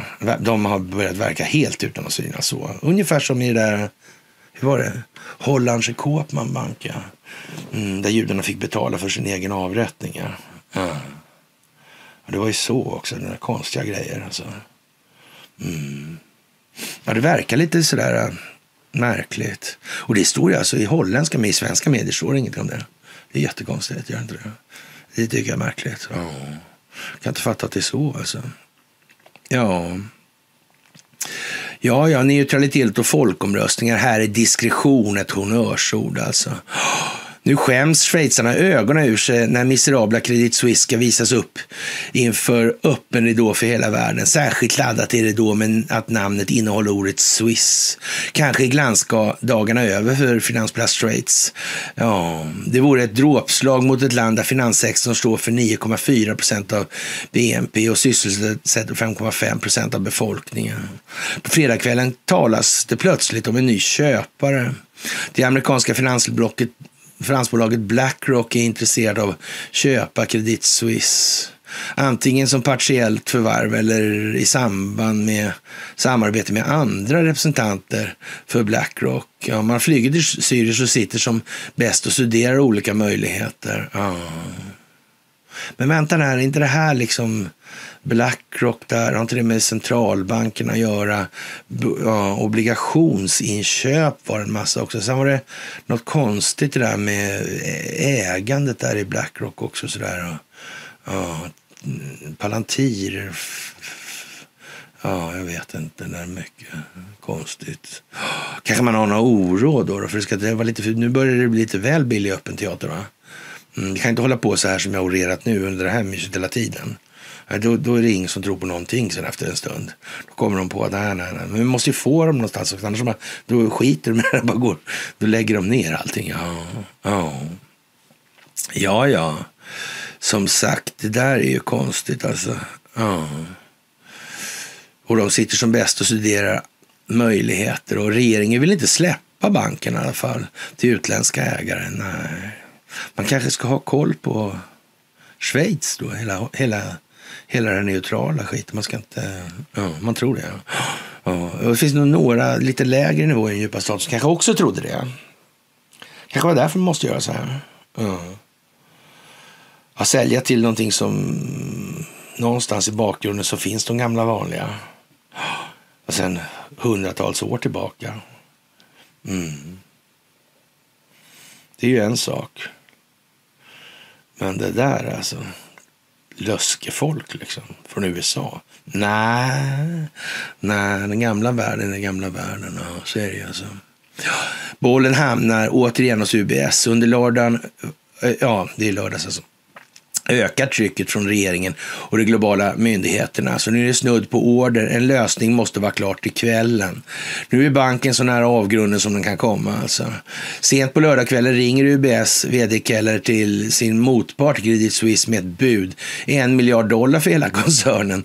Det betyder 0,25 schweizerfranc per aktie, långt under fredagens stängningskurs på 1,86 per aktie. På Credit Suisse fnyser man åt skambud. Aldrig säljer man till det här vrakpriset. Då. nu tror inte jag det är tongångarna eller diskussionen ens gick så, men skitsamma då. Och, och dessutom så måste aktieägarna få säga sitt, resoneras det. Då händer något exceptionellt i alla fall. Schweiziska regeringen inför nödlagstiftning och berövar aktieägarna i både UBS och Credit Suisse rätten att rösta om affären. Får inte säga något alltså. I normala fall skulle aktieägarna haft sex veckor på sig att överväga saken. Samtidigt uppges att regeringen har hotar att avsätta Credit Suisse styrelse om de inte skriver under affären. Nu är banken så nära avgrunden man kan komma alltså. Ja, ja. Ännu närmare alltså. Jaha, ja. Ta pengarna eller dö helt enkelt. Ja, det är dramatiskt när de skriver så här i dagens tidningar.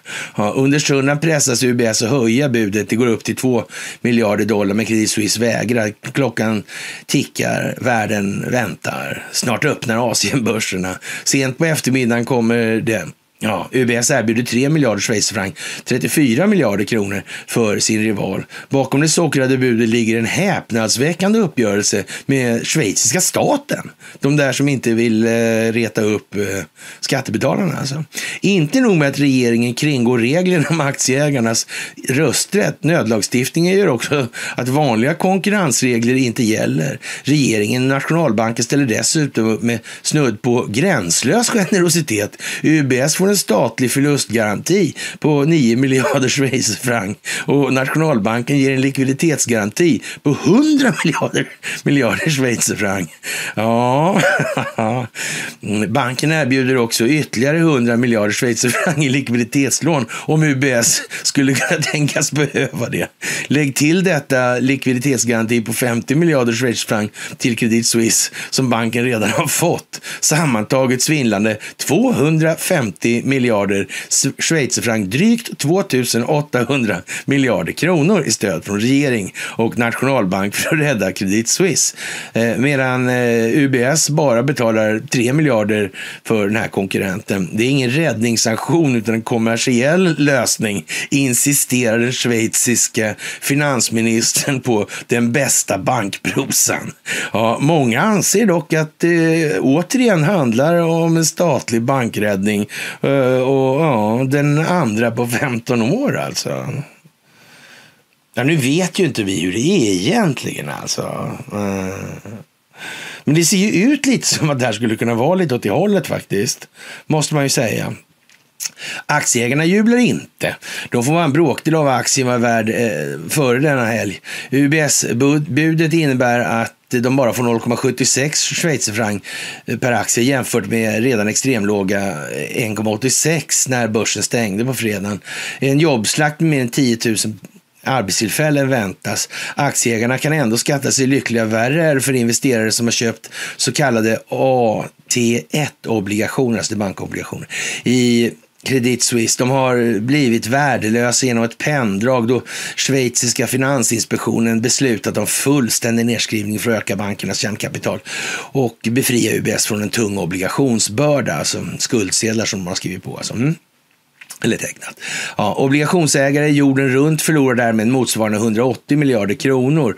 Eh, tvångsinlösen menar bedömare som förespår en lavin med stämningar. Mm. De slutliga villkoren är så gynnsamma att UBS inte kan säga nej.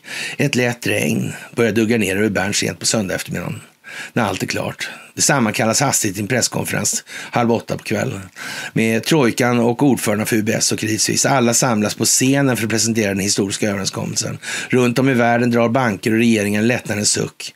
En global bankkris har stoppats i sista stund. Det har den inte alls alltså. Inte det minsta. Det har bara strukturerats om lite för att kunna leda det här till vad det ska leda till. Och det tror jag ni redan har anat vad det här ska leda till faktiskt. Schweizarna själva försöker greppa vad jätteaffären betyder för jobben, skattebetalarna och ryktet som bankparadis. En jobbslakt med mer än 10 000 arbetstillfällen väntas och det statliga bankstödet beräknas kosta varje invånare 12 500 schweizerfranc, drygt 140 000 spänn. Alltså, ja, Schweiz rykte som välfungerande finanscenter, ja, det det är ju vad det är då.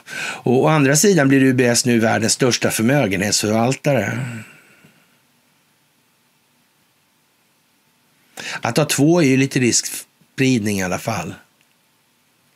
Nu har man lagt ihop allt ihop i en post. Det är ju praktiskt. Vad ska de göra med den då? Vad, vad gjorde hon där nere? Hon, hon, hon var ju där nere. Som sagt, det är det alltså. Hon visste inte någonting om det här. Ingenting. Hon visste inte ens om vad hennes egen bank hade för historia i de här sammanhangen. Ingenting av det kände hon till. Man kan säga så här att elaka rykten gör ju gällande att en av herrarna Wallenberg har idkat umgänge med madame i fråga. Undrar hon inte det? Mm. Är det inte lite ågren för det tror jag? Hon verkar Hon något vis. Mm. Lite prudentlig har hon alltid varit. måste man ge henne alltså. Sådär alltså. Mm. Lite grann, faktiskt. Vi får se hur det artar sig, men det man kan säga så här. Det är tydligt upplagt för att bli en formidabel succé. Ett fyrverkeri, helt enkelt. Det kan vi säga. Ja, Ja, världens största förmögenhetsförvaltare med sammanlagt 3 400 miljarder schweizerfranc. Drygt 38 000 miljarder kronor på sina konton. Mm. Bankmarknaden har för stunden räddats undan en härdsmälta och begreppet too big to fail har visat sig inte stämma. Är inte det konstigt nu? Nu är det laddat. Det är spännande. Ja. Ja, konstigt där egentligen alltså. Mm. Man tycker ju att det, ja, det skulle kunna bli intressant det här. Och i krigets anda nu då så har flygvapnets chefer i, för fyra av de nordiska länderna skrivit på ett gemensamt avtal för flygvapnet, rapporterar Aftenposten. Och jag vet inte riktigt om, om men om Sverige inte kommer med i NATO då? Vad händer då? Och, och vad säger NATO om det där med att eh, de skriver på sådana där avtal med länder som inte är med i NATO? Mm. Ja, det här är konstigt.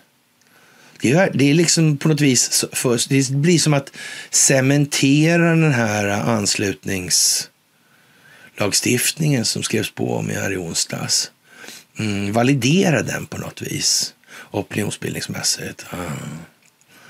Det går liksom inte att säga att vi inte är med och inte är inblandade och så vidare. Varför ska man ha det för? Det kan ju vara för att vi kanske ska lämna över lite statsförvaltning en liten del. Det kanske är, ja inte vet jag alltså. Det kan ju vara liksom eh, passhanteringen i, eh, ja, i Ånge kommun kanske, något sånt där. Ja, det kan ju vara något sånt. Det vet man ju aldrig. Det brådskar liksom på något vis. Och då måste kanske en, ja, utländsk, ett utländskt land eller annat land gå in och sköta den förvaltningen eller något. Jag vet inte. Det kan ju vara så man har tänkt i alla fall. Jag vet inte. Det kan ju vara betydligt, naturligtvis ännu mer obetydligt eller kanske lite större. Så, det vet man ju inte riktigt. Ja. Men hur som helst, det här blir väldigt bra för flygvapen i alla fall. Det är 250 moderna stridsflygplan det är ungefär i nivå med europeiska stormakter som Frankrike och Storbritannien. Vem är det som ska anfallas då? Eller, ja, förlåt, vilka är, är det det här ska bli? An, för jag antar att det är motsvarande då en paragraf 5, Atlantpaktens där, alltså solidariska Ja, just det, svensk solidaritet. Ja, det, nej, det, blir bara, det blir bara falsk solidaritet. Alltså egentligen kan man ju säga att det här kommer ju landa i samma sak. Eller landa i samma skitiga leråker ändå. Liksom. Mm. Sådär alltså. Och för tydlighetens skull så torskar alltså MUF-ordföranden då för att ha ja, pröjsat för rösterna inför årsmötet här nu. Ja, och, och hans talstopp stoppas alltså. Det är liksom för optiken och, och bildsättningen där i Expressen är alltså den här MUF-ordföranden då och sen Christer som barnhandlaren bredvid där. Och två seriösa män verkar det som. Eller män, men det var väl kanske lite överdrivet ändå. Men ändå, så. Ja. Lite speciellt tror jag faktiskt. Ja, någonting som verkligen biter sig fast i tillvaron nu det är de här ständiga bilderna på Titanic, Olympi och Olympic och Aquitania här. Och, och de här jävla skorstenarna va, som det alltid är rö rök i på ett visst sätt. För nu vet ju vi att det är inga skorstenar de här som sitter längst bak, för det har vi fått lära oss. Och sådär. Ja. Inte någon alltså. Det, det är såna här låtsas-skorstenar. för det är insug där alltså. För det skulle se mäktigt ut med de här. 是我是吧？哦 Ja, ja, jag vet inte riktigt sådär, men uh, det var ju lite sådär på den här utställningen i Sundsvall om Titanic så det är många saker som verkar motsägelsefulla där och inte minst passagerarlistorna ska vi upptäcka och de innehöll ett inte obetydligt antal svenskar alltså. Uh, vi får se om Mr Snakemore uh, gör slag i saken av det där. Va? Vi har diskuterat den där en del om inte det kanske är läge att höja lite in. Så, ja, så där. För det finns en hel del grejer där som är jättekonstiga. Och inte bara det här med att eh, enligt passagerarlistan då, så var det ett antal medlemmar eller människor där som eh, ja, potentater alltså så. Mm. Som var emot då införandet, det här skedde ju 12, var emot införandet av Fed som skedde 13. Det var en grej som var lite konstig kanske. Och sen var det allt det andra med sådana här konstiga grejer som man vet man inte riktigt hur det är med USS. Eh, HMS Hawk med, med mm, den där jävla kölstocken och så försäkringarna och lättade ur konsten. Det finns en massa sådana märkliga omständigheter som nästan är Wallenbergs signatur på dem helt enkelt. Ja. Och som sagt, eh, som herr Ahlberg säger, alltså det började som en skakning på Olympics däck då. Och det fyllde oss väl mer med häpnad än med skräck. Man hade sagt oss att det är Titanic som nu sprungit läck. Men den promen var väck och nu väntas, väntade ishavet på de flesta. och ovissheten är verklig och otäcka. Mm. Ja, det är ju mm, så liksom. Ja, ja vissheten om det kanske. Mm. Ja, det tror jag inte. Men det blev nog lite tråkigt här på sina håll. Ja, och vad ska vi säga om det här? Det här är ju sånt där som är, vad ska man säga, ligger det här i linje med vad jag pratat om hittills? Eller inte då? då? I Aftonbladet idag då, så kan man säga så här, att vad flaggar man för här för något egentligen? Och, och rubriken är så här, alltså Riksgälden, motståndskraften i bankerna är större än 2008. Ni kan ju alla konstatera nu här att det, nu rör vi oss i en väldigt liten, liten sfär så här. Mm. Det har liksom konvergerat från alla håll. Vi är nere och kramar snöboll här vad det lider. Ja. Och snart rullar vi en ärta mellan fingrarna så här. Mm. ja. Ja, det var flaggas det för här, tro, månntro. Motståndskraften är större idag, idag än 2008. Vi har högre krav på bankerna vad gäller kapital och likviditet. Samtidigt har vi bättre information om de transaktioner som sker på finansiella marknader, säger eh, madame här då i ett skriftligt svar till Aftonbladet. Dessutom pekar hon på, det är Finansinspektionens madame där alltså. Eh, dessutom pekar hon på det faktum att det finns större möjlighet att Riksgälden som har på sitt bord att hantera banker i kris kan kliva in och ta över rodret alltså. Eh, eh, va? Jaha. Bara sådär alltså? Ja, ja. ja. Ja, det är ju ett nytt sätt. Det är ju, I alla fall, det var inte aktuellt förr. Nu är det tydligen så alltså. Men det kunde man tydligen inte senare, tidigare då. Eh, ja. Det, nu finns större möjlighet. Ja. ja, man kan säga så här att det, det var nog dolt mer dolt tidigare. Nu är det mindre dolt och nu blir det mer uppenbart att det kanske rent ut av är vad som faktiskt måste ske. Kanske måste hela banksystemet vara kontrollerat av samhället som en infrastrukturell strategisk strategiskt avgörande funktion. Ja, det kan ju vara så. Men jag, jag vet inte det heller naturligtvis. Men ja, jag sitter och gissar här nu. Ja. Hon ser däremot en skillnad i hur schweiziska myndigheter har hanterat kollapsen av anrika banken Credit Suisse. Och vi vet inte vad vi ska säga i, i, i det sammanhanget riktigt. Ja, det, det är ju liksom en... Ja, det, det är verkligen som advokaten Egerman säger i eh, Sommarnattens leende av Bergman där. Mm. En fars är det lika förbannat alltså. Ja. Ja, vad gäller hanteringen av Credit Suisse har de schweiziska myndigheterna, så vitt vi kan bedöma det, följt det regelverk som gäller där. Det som har varit kontroversiellt är att aktieägarna har blivit delvis skyddade medan investerare i så kallade AT1-obligationer förlorade allt. Vår inställning. Det här är ju faktiskt inte, det här är inte riktigt svenskt. Alltså, vet, de kanske är på fyllan. En, en söt madam alltså, så, men det här låter osvenskt alltså. Det är nästan rena, det är kommunism nästan alltså. Ja. Vår inställning är att aktieägarna bör förlora hela sitt kapital innan några obligationsinnehavare får bära förluster i en situation där banken fallerar alltså. Det är kommunism! Karl-Bertil Jonssons pappa vänder sig i sin tecknade grav alltså. Så där kan man inte hålla på och tro att man kan se liksom flörtig ut och sen gå hem med den där. Alltså. Man kan ju säga så här, skillnaden i uppsyn på henne och Erik Thedéen, den är betydande helt enkelt. Tror de ska klara sig undan det där?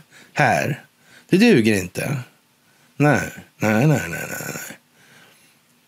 Den som är satt i skuld är inte fri och så måste det förbli alltså.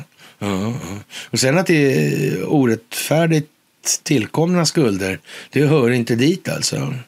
Eh, ja, precis. Alltså, det där är speciellt alltså.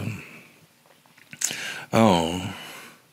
Bonusregn över matjättarnas chefer, ett hån mot svenskarna, rubrik i, på löpen idag i Aftonbladet. Och, och, ja, det är ju liksom som det är nu det här med ICA och, och och, och sådana här saker. Det har vi tjatat om i en evighet. Och jag känner väl till någonting om bak, historien bakom den här jävla föreningen, då ICA-handlarnas förening var från början då, i alla fall. Ja, och det är samma lirare då som med det här glassbolaget och sånt där som var med och fifflade i det där. Mm. Jävla typ det där alltså, det får man säga. Mm. Kom från Norrköping förresten. Mm. Ja, ja. Ja, och naturligtvis Johan Forsell från Wallenbergs Investor. Där fick en total ersättning på 33,7 miljoner kronor förra året. Ja. ja, det är klart. Piggar upp folk nu att se alltså. Ja. England legaliserar kommersiell utveckling av ja, gain function på tomater alltså. Så det kan bli trifiden anfaller vilken vecka som helst här då alltså. Snabbväxande sådana där då eller? Ja, jag vet inte. Speciellt alltså. Mm. Och, och, ja, såklart att eh, forts, fortsatt miljardförlust, mångmiljardförlust för flygbolaget SAS alltså. Uh. Gjorde en förlust på 3,6 miljarder under perioden 1 november till 28 februari enligt en preliminär, pre, preliminär, preliminär heter det, rapport. Ja. Mm. Det verkar liksom som olyckorna fördelas enligt visst givet mönster nu alltså. Men det kan jag ha fel i. Det kan naturligtvis vara helt annorlunda alltså. Mm. Och i eh, Mexiko verkar det stökigt med, med oh, för amerikanska företag. Alltså de är inte längre säkra där. Nej. Mexiko, ja, drogkartellen. Alltså. Mm, Sinaloa-kartellen där. Oh, El Chapo. Mm. Hm. Hur var det med utlandet? Det var jättekonstigt det där alltså. Mm. Konstigt.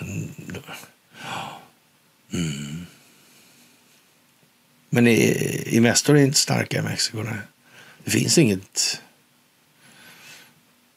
Äh, ingen närvaro där ens. Har aldrig funnits. Äh. Och var det något så kom det förra månaden kanske. Man kan ju prova att slå kanske Ericsson Mexiko. Mm. Jag vet inte. De kanske inte behöver kommunikation i de där sammanhangen. Det vet ju inte jag alltså. Ja. Ja. Amerikanska finansdepartementet behöver en halv miljard dollar för ja, aktiviteter relaterat till att upprätthålla och förbättra sanktions, sanktionerna då mot Ryssland, påstår Janet Yellen. Ja. Ja, det kanske det gör. Jag vet inte. Det är bra. Jaha, och eh, tiderna förändras alltså och Saudiarabien öppnar ambassad i Syrien igen alltså. MBS han verkar lite sådär konstig alltså. Ja. Saudiarabien förbereder för att öppna sin ambassad i Iran också. Vad, vad håller han på med den där MBS egentligen? Först låser han in den där släkten där och, och, och ett gäng andra också då. På Ritz-Carlton i Riyadh där. Mm. Och sen, ja, men det med mördandet av Khashoggi var väl svinigt gjort ändå, var det inte det? Ja. Mm. Khashoggi är en fin gammal religiös familj. Just det, de förstod, nej, just det, de förstod eller de försåg ja, Muslimska brödraskapet med vapen. Var så det var? Just det. Han kände till lite om det där. Just det. Det gjorde han, ja. Mm. Kanske han inte kunde berätta allting. Men han kanske kunde berätta det för någon. Man vet ju inte. Mm. Jag undrar hur det där upplägget ser ut. Jag undrar inte det egentligen så mycket, men jag kan säga att jag, säga att jag säger det. Eller säga att jag undrar det. Ja. Och Nordkorea testar kärnvapen under vattnet alltså. Ja. Ja, som sagt. Eh, mm. Man ska förstöra fiendens hamnar med enorma radioaktiva vågor. Hur går det till när man genomför de här testerna utan att det blir sådana där enorma radioaktiva vågor? Då? Hur, hur menar han? Vi måste ju nämligen rusta upp till dess att befolkningen förstår den verkliga innebörden av atomvapnet. Vem som sa så då? Det var... Mm. Det var... Ja, just det. Vladimir Trump, höll jag på att säga. Men, ja. Ja, ja. Ica anmäls för kartellverksamhet i alla fall och det är fantastiskt. Och amerikanska militära ledare är helt oförstående till varför det inte går att eh, rekrytera militär personal från HBQT-rörelsen alltså. Mm. Ja, det får man ju förstå. Inte? Mm. Faktiskt alltså. Amerikanska bombplan över Estland är inte en garanti för säkerheten, är en symbol för döden alltså.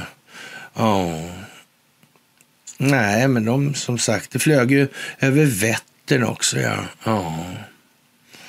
ja det är som det är alltså. Mm. Ja, det krävs mycket optik för att många ska förstå. Så är det ju också alltså. Mm. Som sagt, eh, mm. man ska plocka upp någonting man har hittat där. vid Nord Stream. Mm. Ja. Jag vet inte, kommer det fram något om det där tror Eller det blir aldrig någonting det där? Jag vet inte. Ja. Och som sagt, Credit Suisse och UBS utreds för att fiffla med de ryska sanktionerna. Ja. Ja, jag måste ju säga det här är ju som det är nu. Alltså, det är många som blir stressade på sina håll alltså. Och det är nog inte främst Oleg Deripaska alltså. Ja, det är inte Bodil Hansson heller tror jag egentligen. Men det är något mer oklart om man verkligen inte kan veta om eh, men å andra sidan kan man ju säga så här, hon kanske, hon kanske har anmält själv. Jag, Det är faktiskt, jag, jag, det är därför att jag har, så att säga, gick, föregick det här händelseförloppet lite grann. Alltså. Mm. Jag stod lite under dåligt inflytande av somliga. I den meningen alltså. Ja, ja, men vad fan liksom. Ja, så hon har, eh, ja, hon har, får en fair chance alltså. Ja oskuldspresumtion helt enkelt. Lite mer oskuldspresumtion i alla fall, inte någon sån här, lite, inte så snabbt dömande om vi säger så, så kan vi säga. Ja, och eh, ja, eh, nazisterna är inte riktigt utrotade ännu och, och Sverige kommer ju inte liksom upp så här riktigt öppet eh, överallt på det sättet. Alltså. Men även om man pratar om Westfalen och såna grejer, då, då kan man väl säga så här, men det var inte Richelieu tror jag det var, för mig som någon gång eh, uttryckte sig som att eh, ja, om man var på en båt liksom sådär och, och, så, och alla var på en båt, ett fartyg som skulle styras, någonting, världens utveckling. Så då skulle man se till att den som styrde hette Oxenstierna. Liksom sådär. Så, uh. Jag vet inte om den bedömningen är så där jävla hundra. Alltså. Mm. Jag vet att på ställen, mm, eller familjen, eller ja, de manliga delarna av familjen Oxenstierna ofta eller växte upp då så där de planterade en ek alltså. Ja, när i, anledning av den västfaliska freden. Den ligger i någonting som kallas för Engelska parken där. Och, och det, ja och den här västfaliska freden är ju alltså någonting som Vladimir Putin och Xi Jinping är inte så där jävla roade av. Alltså det var någonting där. Jag, jag, kan tänka mig att det här nationalstatsbegreppet, alltså det blir ju lite tokigt om man har en nation då, så gör man en, ska man försöka göra en eh, statsbärande konstitution på det här. Och då har man alltså ett stambegrepp att utgå från. Det, det är liksom lite dumt att misslyckas med avseende på att människorna dör ut och flyttar på sig och hej och hå. Va? Jag är inte så där jävla eh, supersäker på att det är den allra bästa lösningen hela tiden. Nej. Det är jag inte. Jag är nästan säker på att det inte är det faktiskt. Ja, som sagt, eh, en annan, eh, det kommer ju mycket, i mitt flöde i alla fall, så kommer det en massa militära konstigheter då, som hade stora kanoner och stora båtar och sådär. Alltså. Ja, BB39 mm, mm, är inte en grejerna som dyker upp mest sällan då, säger så. Ja, och här är det isbjörnar då, när, när eh, USS Honolulu dyker upp i, eh, under Nordpolens is, alltså slår sig igenom, eller trycker sig igenom isen där. Och, och det är Los Angeles-klassbåt. alltså en atombåt. Och då är det fyra isbjörnar, eller tre isbjörnar på bilden. Alltså. De la två timmar på att se om man kunde äta den där på något vis. Alltså, så. Ja, ja, ja, ja, ja. ja. de verkar vara lite födoämnen, eller rättare sagt eh, primärkänslorna, de grundläggande, de primitiva känslorna verkar styrande där alltså. I deras värld finns det naturligtvis ingenting som hotar dem alltså. Det finns inget djur som hittar på någonting som innebär något dåligt för dem. Allting som de träffar som rör på sig kan de äta alltså. Ja, någon del av kanske i alla fall. Mm. Det är ju lite så. Mm. Så om den där kommer där och rör på sig, då kanske man kan äta någonting i den där också. Jag vet inte. Det gäller att få hål på den. Jag vet inte hur de gjorde för att... Ja. Ja. Går det att äta?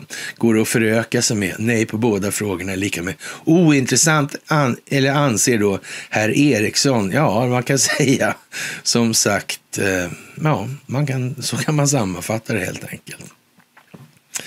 Ja, och när länders befolkningar nu börjar inse då eh, själva och andra länders befolkningar också då att allihopa, alla vill bara ha fred. Va? Då är det kört för den djupa staten och det är det som håller på att hända. De här jävla teatrarna som de har spelat upp, alltså olika scener då i samma jävla tema som går ut på att allt färre ska bli allt rikare på allt fler människors bekostnad. Det tar en ände någonstans och nu tar det sin mekaniska ände. Det fun fungerar inte längre. Och, och, så att säga, den möjliga politiken för att göra det här trovärdigt, den är så att säga slut nu. Och det därför blir det liksom lite så här fredagsroligt. Det, det är verkligen fredagsmys idag. Va? Och, och, det blir perfekt när vi lanserar den här tröjan, eller när Tobbe lanserar den här tröjan ska jag säga. För jag har bara sagt vad jag tyckte att det egentligen borde stå. Va? Sådär. Ja. Och om man går man tillbaka nu och, och tittar sådär så en fyraårig tid, det här med, med ja, vad sa vi då, då egentligen? Mm. Ja, vad sa vi då? Vi sa exakt samma sak som nu. Fast det var lite mer, så att säga, sammanfattat. Det gick ju naturligtvis inte att ta sig ta det lika mycket i detalj eftersom då var inte så att säga myllan, opinionsbildningsmyllan var liksom inte krattad alls. Den låg liksom i högar här och fanns ingen annan, fanns ingen alls på ett ställe och så vidare. Så här. Så det lite så alltså. Mm. Så det, även om vi säger exakt samma sak nu så är det ju liksom nu kan vi ju ta ner det här. Det var ju ingen som... man, Och och, då kan man säga så här med eh, Hewitt och med, med ja, Felix Kerstner och det här. Jag, jag försökte ju med det då, också i, i, till och från sådär lite grann. För att väcka så ett frö i alla fall, väcka en tanke lite grann. Ja. Men nu är det helt annorlunda alltså. Nu är det helt annorlunda. De här sammanhangen nu när man sitter och, och och det blir ren komik när man gör översättningen på de här bolagen och, och man vet deras historia då. I, det här, i, i, i den meningen. Då blir det ju jättekonstigt. Det, så det verkar ju otroligt konstigt att inte Annika Falkengren är minst lika insvuren i det här som Brigitte Bonnesen. På samma sida dessutom. Mm. Jag menar, det här är ju ingenting man fixar på fem minuter. Och det måste ju ske liksom... Ja. Ja. Som sagt. Och det spelar ingen roll om det har varit något, något relationsmässigt, för det är inte det som jag kan säga så här.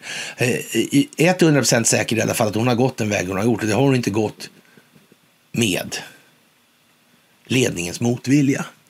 Nej. Så det räcker med att de har tänkt tanken åt det hållet så har de gjort bort sig. Mm. Och det kan jag säga så här. De primitiva känslorna är vad de är. Som hos isbjörnar faktiskt. Ah, ja, ja, så ja. Ah. Just ja. Så de behöver inte ens. Det räcker med att. Ah, de kanske mycket väl vet att om man är en jättekänd politiker så ska man inte hålla på och vänstergänga.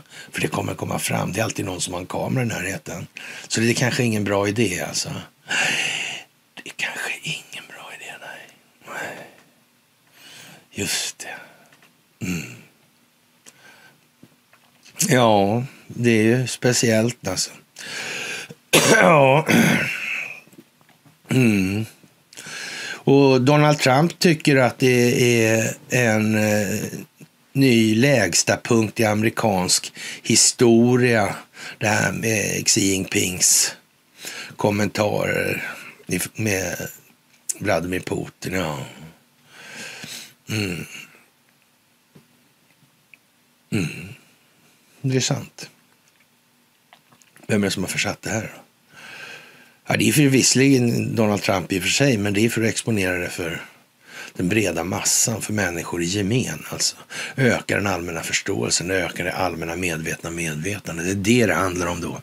Ja, tänka sig. Konstigt alltihopa. Ja. Ja, vad ska vi säga mer då? Det här med CIA-källorna. när Bush ljög för att sälja in invasionen av Irak.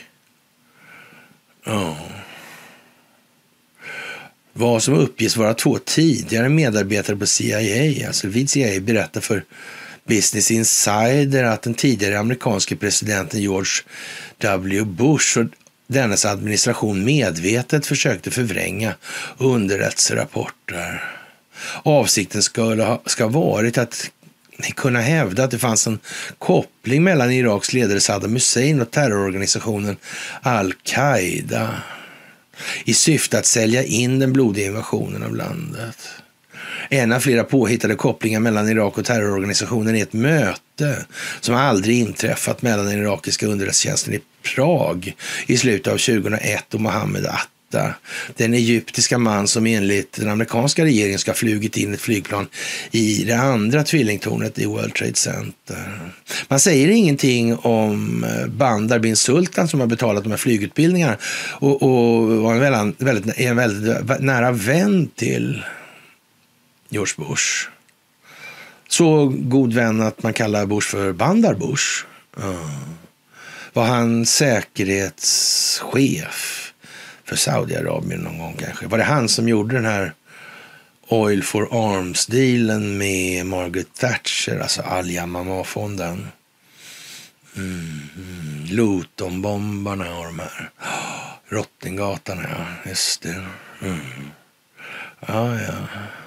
Men det här med att man skulle häkta eller gripa, frihetsberöva uh, Donald Trump, det blev ju inget av det.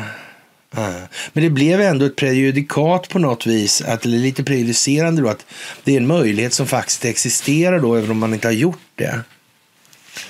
Och sen kommer det här alldeles efter, så lustigt. Och han sa väl någonting om någon form av tidigare republikansk. Jag vet, han sa ju inte att det var han själv som skulle bli... Nej. Så, det var ju väldigt konstigt, konstigt formulerat. Alltså. Det blev en hel del oklarheter som en konsekvens av det där. Ja. Trollen är helt förvirrade i mejlen nu, alltså, i inkorgen. De vet inte riktigt vad de sa. Jättekonstigt alltså. Ja. Det är, ja. Invasionen var bestämd på förhand. Det är ju jättemärkligt alltså. Har vi sagt det tidigare, det där med att man kanske... Det är ganska stor upparbetning, alltså en ganska stor logistikapparat alltså. Och då går det ju inte liksom att man kommer där rullande med, med bullriga musklerna och allt det här. Och, eh. och sen kommer två jävla genier till generaler i irakiska försvarsmakten. Vad fan är de ute efter Saddam Hussein och hans två söner? Men det är tre pers liksom. Ja, men då, okej okay då. Hämta eh, en militärpolisgrupp så åker vi och hämtar dem och så möter vi dem vid gränsen liksom. Lämnar ut skiten. Det är inte värt något liksom. Det är bara de tre personerna som de vill ha och allt är frid och fröjd sen så. Fine. Mm. Så fick det ju under inga omständigheter bli. Det var inte det det handlade om. Det handlade om kriget mot terrorismen. Ja, just det. Och då måste man ha kontroll på Saddam Hussein. Man måste använda det enda säkra sättet att se till att han inte blir utlämnad och hela den här jättedyra apparaten som man har ställt igång för att genomföra den här jävla teatern med filmteam och CNN och Hej och Hå och Åsnan Seierstad och allt vad de hette som skriade där nerifrån. Ja, just det. Så var det ju ja. ja. Ja, det där är ju lite konstigt alltså. Ja. Ja. Saddam Hussein alltså och al-Qaida stod eh, väldigt Eh, långt ifrån varandra i sina ideologier. Saddam var ren sekularist och al-Qaida hade en messiansk vision av ett kalifat. Ja, konstigt alltså. Så man kan ju eh, säga då att Saddam var broms i det här alltså. Ja. Mm, ingen i Washington går ut och kallar börsen lögnare. Ja. Alla är för artiga. De använder andra termer för att beskriva vad man gjorde, men han ljög. Och jag vill vara tydlig med att jag menar det här faktiskt. Ja. Det är ju konstigt alltså. CIA-medarbetaren Bob. Ja. Det är inte Bob jordgubbssaft längre alltså. Nej, det är det inte. Det här var inte ett försök att rättfärdiga kriget, det var ett försök att sälja in kriget offentligt. Det är en viktig skillnad. Bush-administrationen var mycket tydlig med sin besatthet av Irak nästan omedelbart när den tog makten. Tänk att man kanske ville ha oljan också. Ja, mm. Man konstaterar att USA genom invasionen skapar de förutsättningar som sedan ledde till terrororganisationen Islamiska statens framväxt. Ja, det var ju konstigt. Man uppmuntrade inte alls det. Alltså. Ja, och man beskriver alltså kriget i Irak som ja, bland det värsta vi kunde ha hittat på helt enkelt. Ja, mm. ja det är rena teatern det här alltså tydligen. Jag vet ju inte alltså. Ja. Man tillägger att eh, Dick Cheney utnyttjade 11 september-attackerna för att sälja in ytterligare amerikanska krig på ett cyniskt sätt trots att invasionen i verkligheten var till nackdel för att motverka ytterligare attacker mot USA. Mm. Eh, man kan se det som eh, ja, ren kriminell cynism. Mm. Skulle inte det här första frihetsberövandet förvåna? Var det inte så det var sagt? Ja, jag vet inte. Det kanske... Ja, ja. Sådär alltså. Ja. Udda alltså. Udda, udda, udda. Och kartellbildningen alltså. Ja. Mm. Ica-priserna centralstyrda. Absolut inte. Alltså inte Axfood. Ingen, ingen alltså. Nej. Nej. Alekta, Wallenbergsfären. Ja. Wallenbergsfärens järngrepp om krisande pensionsjätten. Det är järngreppet alltså. Ja. Blir folk jättepigga på Wallenberg nu med det här som det flödar på här nu? Ja, det vet inte jag alltså. Vad kan man, ja. Opinionsbildningsstrategerna på Arsenalsgatan 8 de verkar vara helt jävla värdelösa alltså. Generationsskifte kanske. Eller vad är det som gör det här? Alltså, det är katastrof, alltså rakt av. Alltså. Ja. De måste ha missat något alltså. Mm. Kanske någon har tänkt till, jag vet inte. Ja. USA fruktar att världen kommer att stödja den kinesiska planen för att lösa konflikten i Ukraina. Mm. Jag vet ju inte. Ja. Som sagt. Det är, ja speciellt det här. Mm. Vi, har i speciella vi är i speciella tider, det måste man säga. Stor polisinsats i Vikingaby, ja. mm. i Skåne. Där. Ja, det var ju något snack om att det fanns ju någon gammal sägen om att han Himmler tog bussen, alltså vitbussen. Mm. Sådär. Mm. Ja, en sak måste man nog ha klart för sig i de här sammanhangen. Att om det var några som inte ville att Himmler skulle börja snacka, och absolut inte i USA. Mm. För det där andra vi pratade om med Morgenthau och det här. Man kan ju tänka sig vad som hade hänt om Morgenthau hade fått fingrarna på Himmler. det hade blivit obra för somliga. Aha. Det hade det blivit, ja. ja. De där övriga handlingarna man skulle ta hänsyn till, det hade blivit någon till kanske. Eller kanske han visste om redan, jag vet inte. Ja, förhandlingarna där med Hewitt, Felix Kershner... Ja. Ja, svenska underrättelsetjänst ska vi bara inte tala om. Alltså, Ternberg där, Helmut. Ja. Jag vet fan, alltså det ser mörkt ut alltså. Det här kommer inte att bli bra. Det kommer inte att bli bra för den intressesfären. Nej, finns ingen möjlighet alltså. Finns ingen möjlighet. Man ska visserligen inte lida för vad ens föregångare eller förfäder har gjort. Absolut inte så alltså. Men man ska heller inte dra nyttan av det. Så är det också. Det är i förekommande fall inte sällan. Mm. Orättmätigt tillkommet alltså. Mm. Eller orättfärdigt tillkommet ska vi säga. Ja, ja det där är lite som det är nu. En trist historia faktiskt. Och ja, Recep Tayyip Erdogan alltså. Turkiet kommer inte ta parti i militära konflikter inklusive den ukrainska, säger han till turkiska CNN alltså. Mm. Och Stoltenberg tycker att vi får stödja ja, Ukraina för alltid med militärmateriel ungefär då. Ja, a long war då. Det ska uppenbarligen rustas ner ordentligt här alltså. Ja. Det får man ju säga är lite speciellt alltså. Mm. Det här med George Soros då, som flaggas upp nu i USA, det, det är så att säga, det är delsteg i det här, för det pågår annat samtidigt. Det vet jag och vi, några stycken i alla fall. Mm, så är det. Vi vet att George Soros hade sina, fonder på kvant, sina kvantumfonder. Uh, undrar om de var beräknade, köp och säljen i de här grejerna. Uh, för de låg, låg ju hos SCB de här. Just det. Uh. Undrar om de använde de här eh, datorerna för att kapa emellan på köp Jag vet inte, kan det ha varit så? Det kan ha varit så. Ja, en snabbare dator där, ja. Mm. Vem ska kontrollera det då? Tror du? Är det bara för vem som helst att gå in och kolla i Nasdaqs program eller? Nej, jag vet inte. Så där kanske inte riktigt alltså. Ja.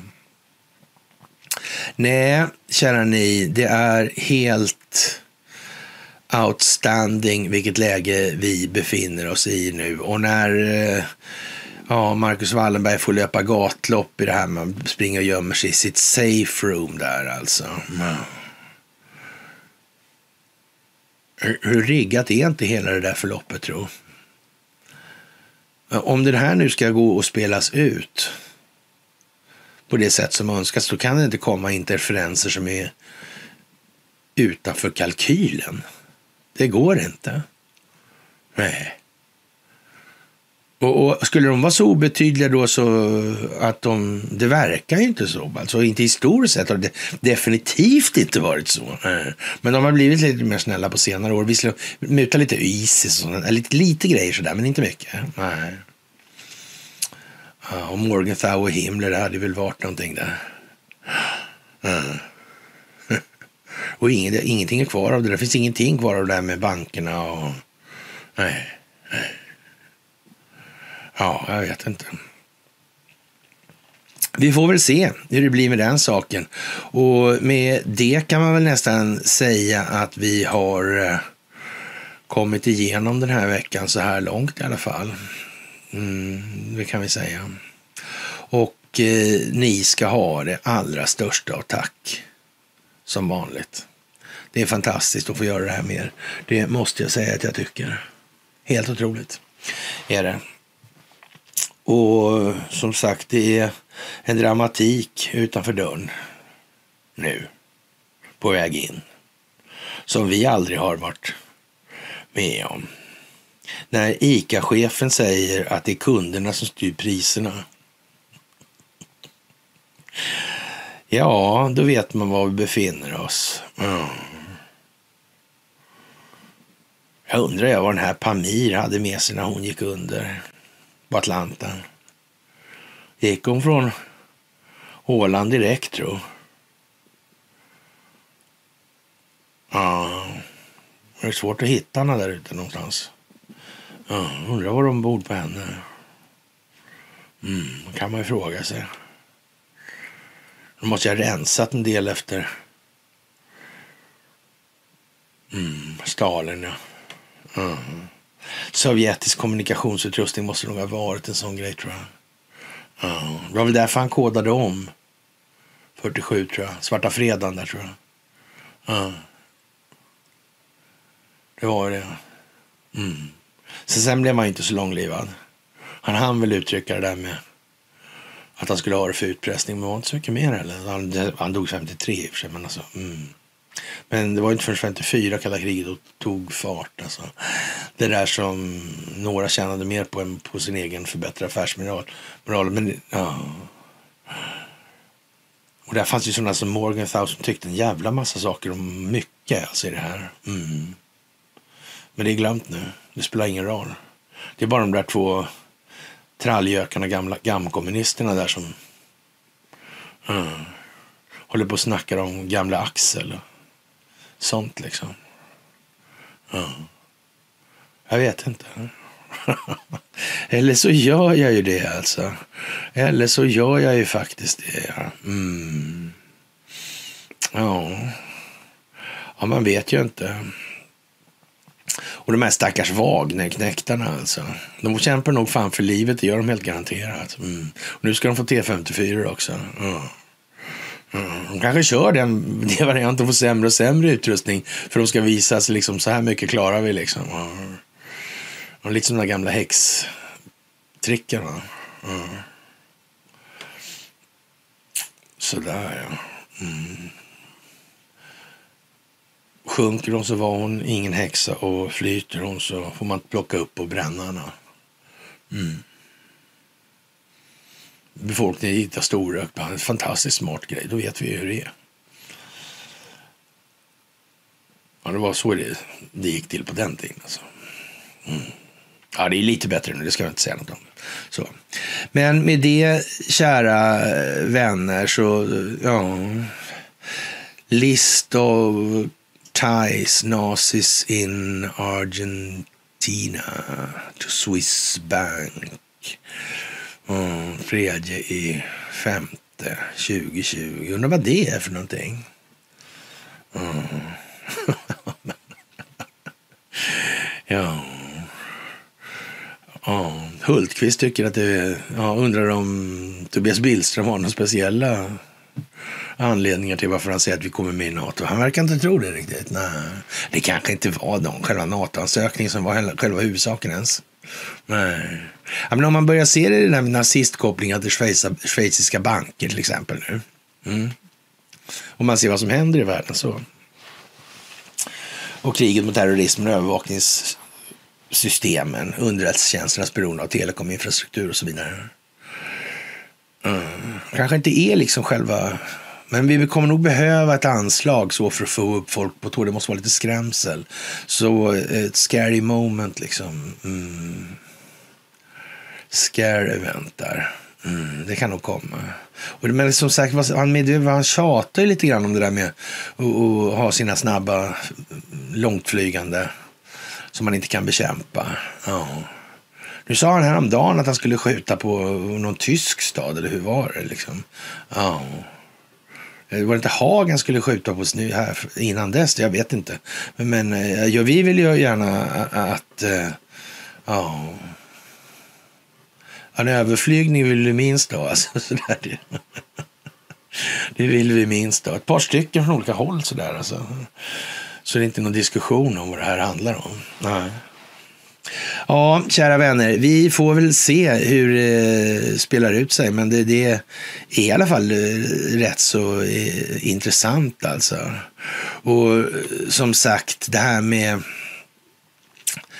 de här hundra åren pratar man om. Då. Hundra år, det är alltså 1923 och det är freden i Lausanne alltså. Och, och där kan man säga så här, det är slutpunkten eller början då på roten till det onda. Det är rotslutet, alltså där börjar trädet att växa helt enkelt. Ja.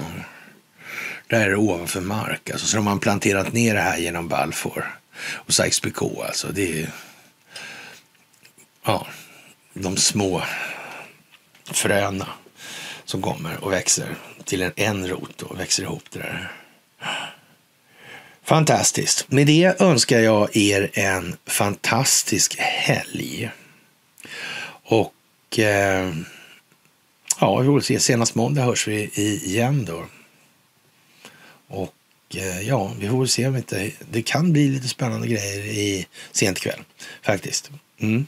Men vi vet inte hur fort det där kommer ut. Så det, men, men, vi får se i alla fall. Det är grejer på gång i alla fall. Med det, som sagt, en trevlig helg och ni är fantastiska och vi hörs senast på måndag.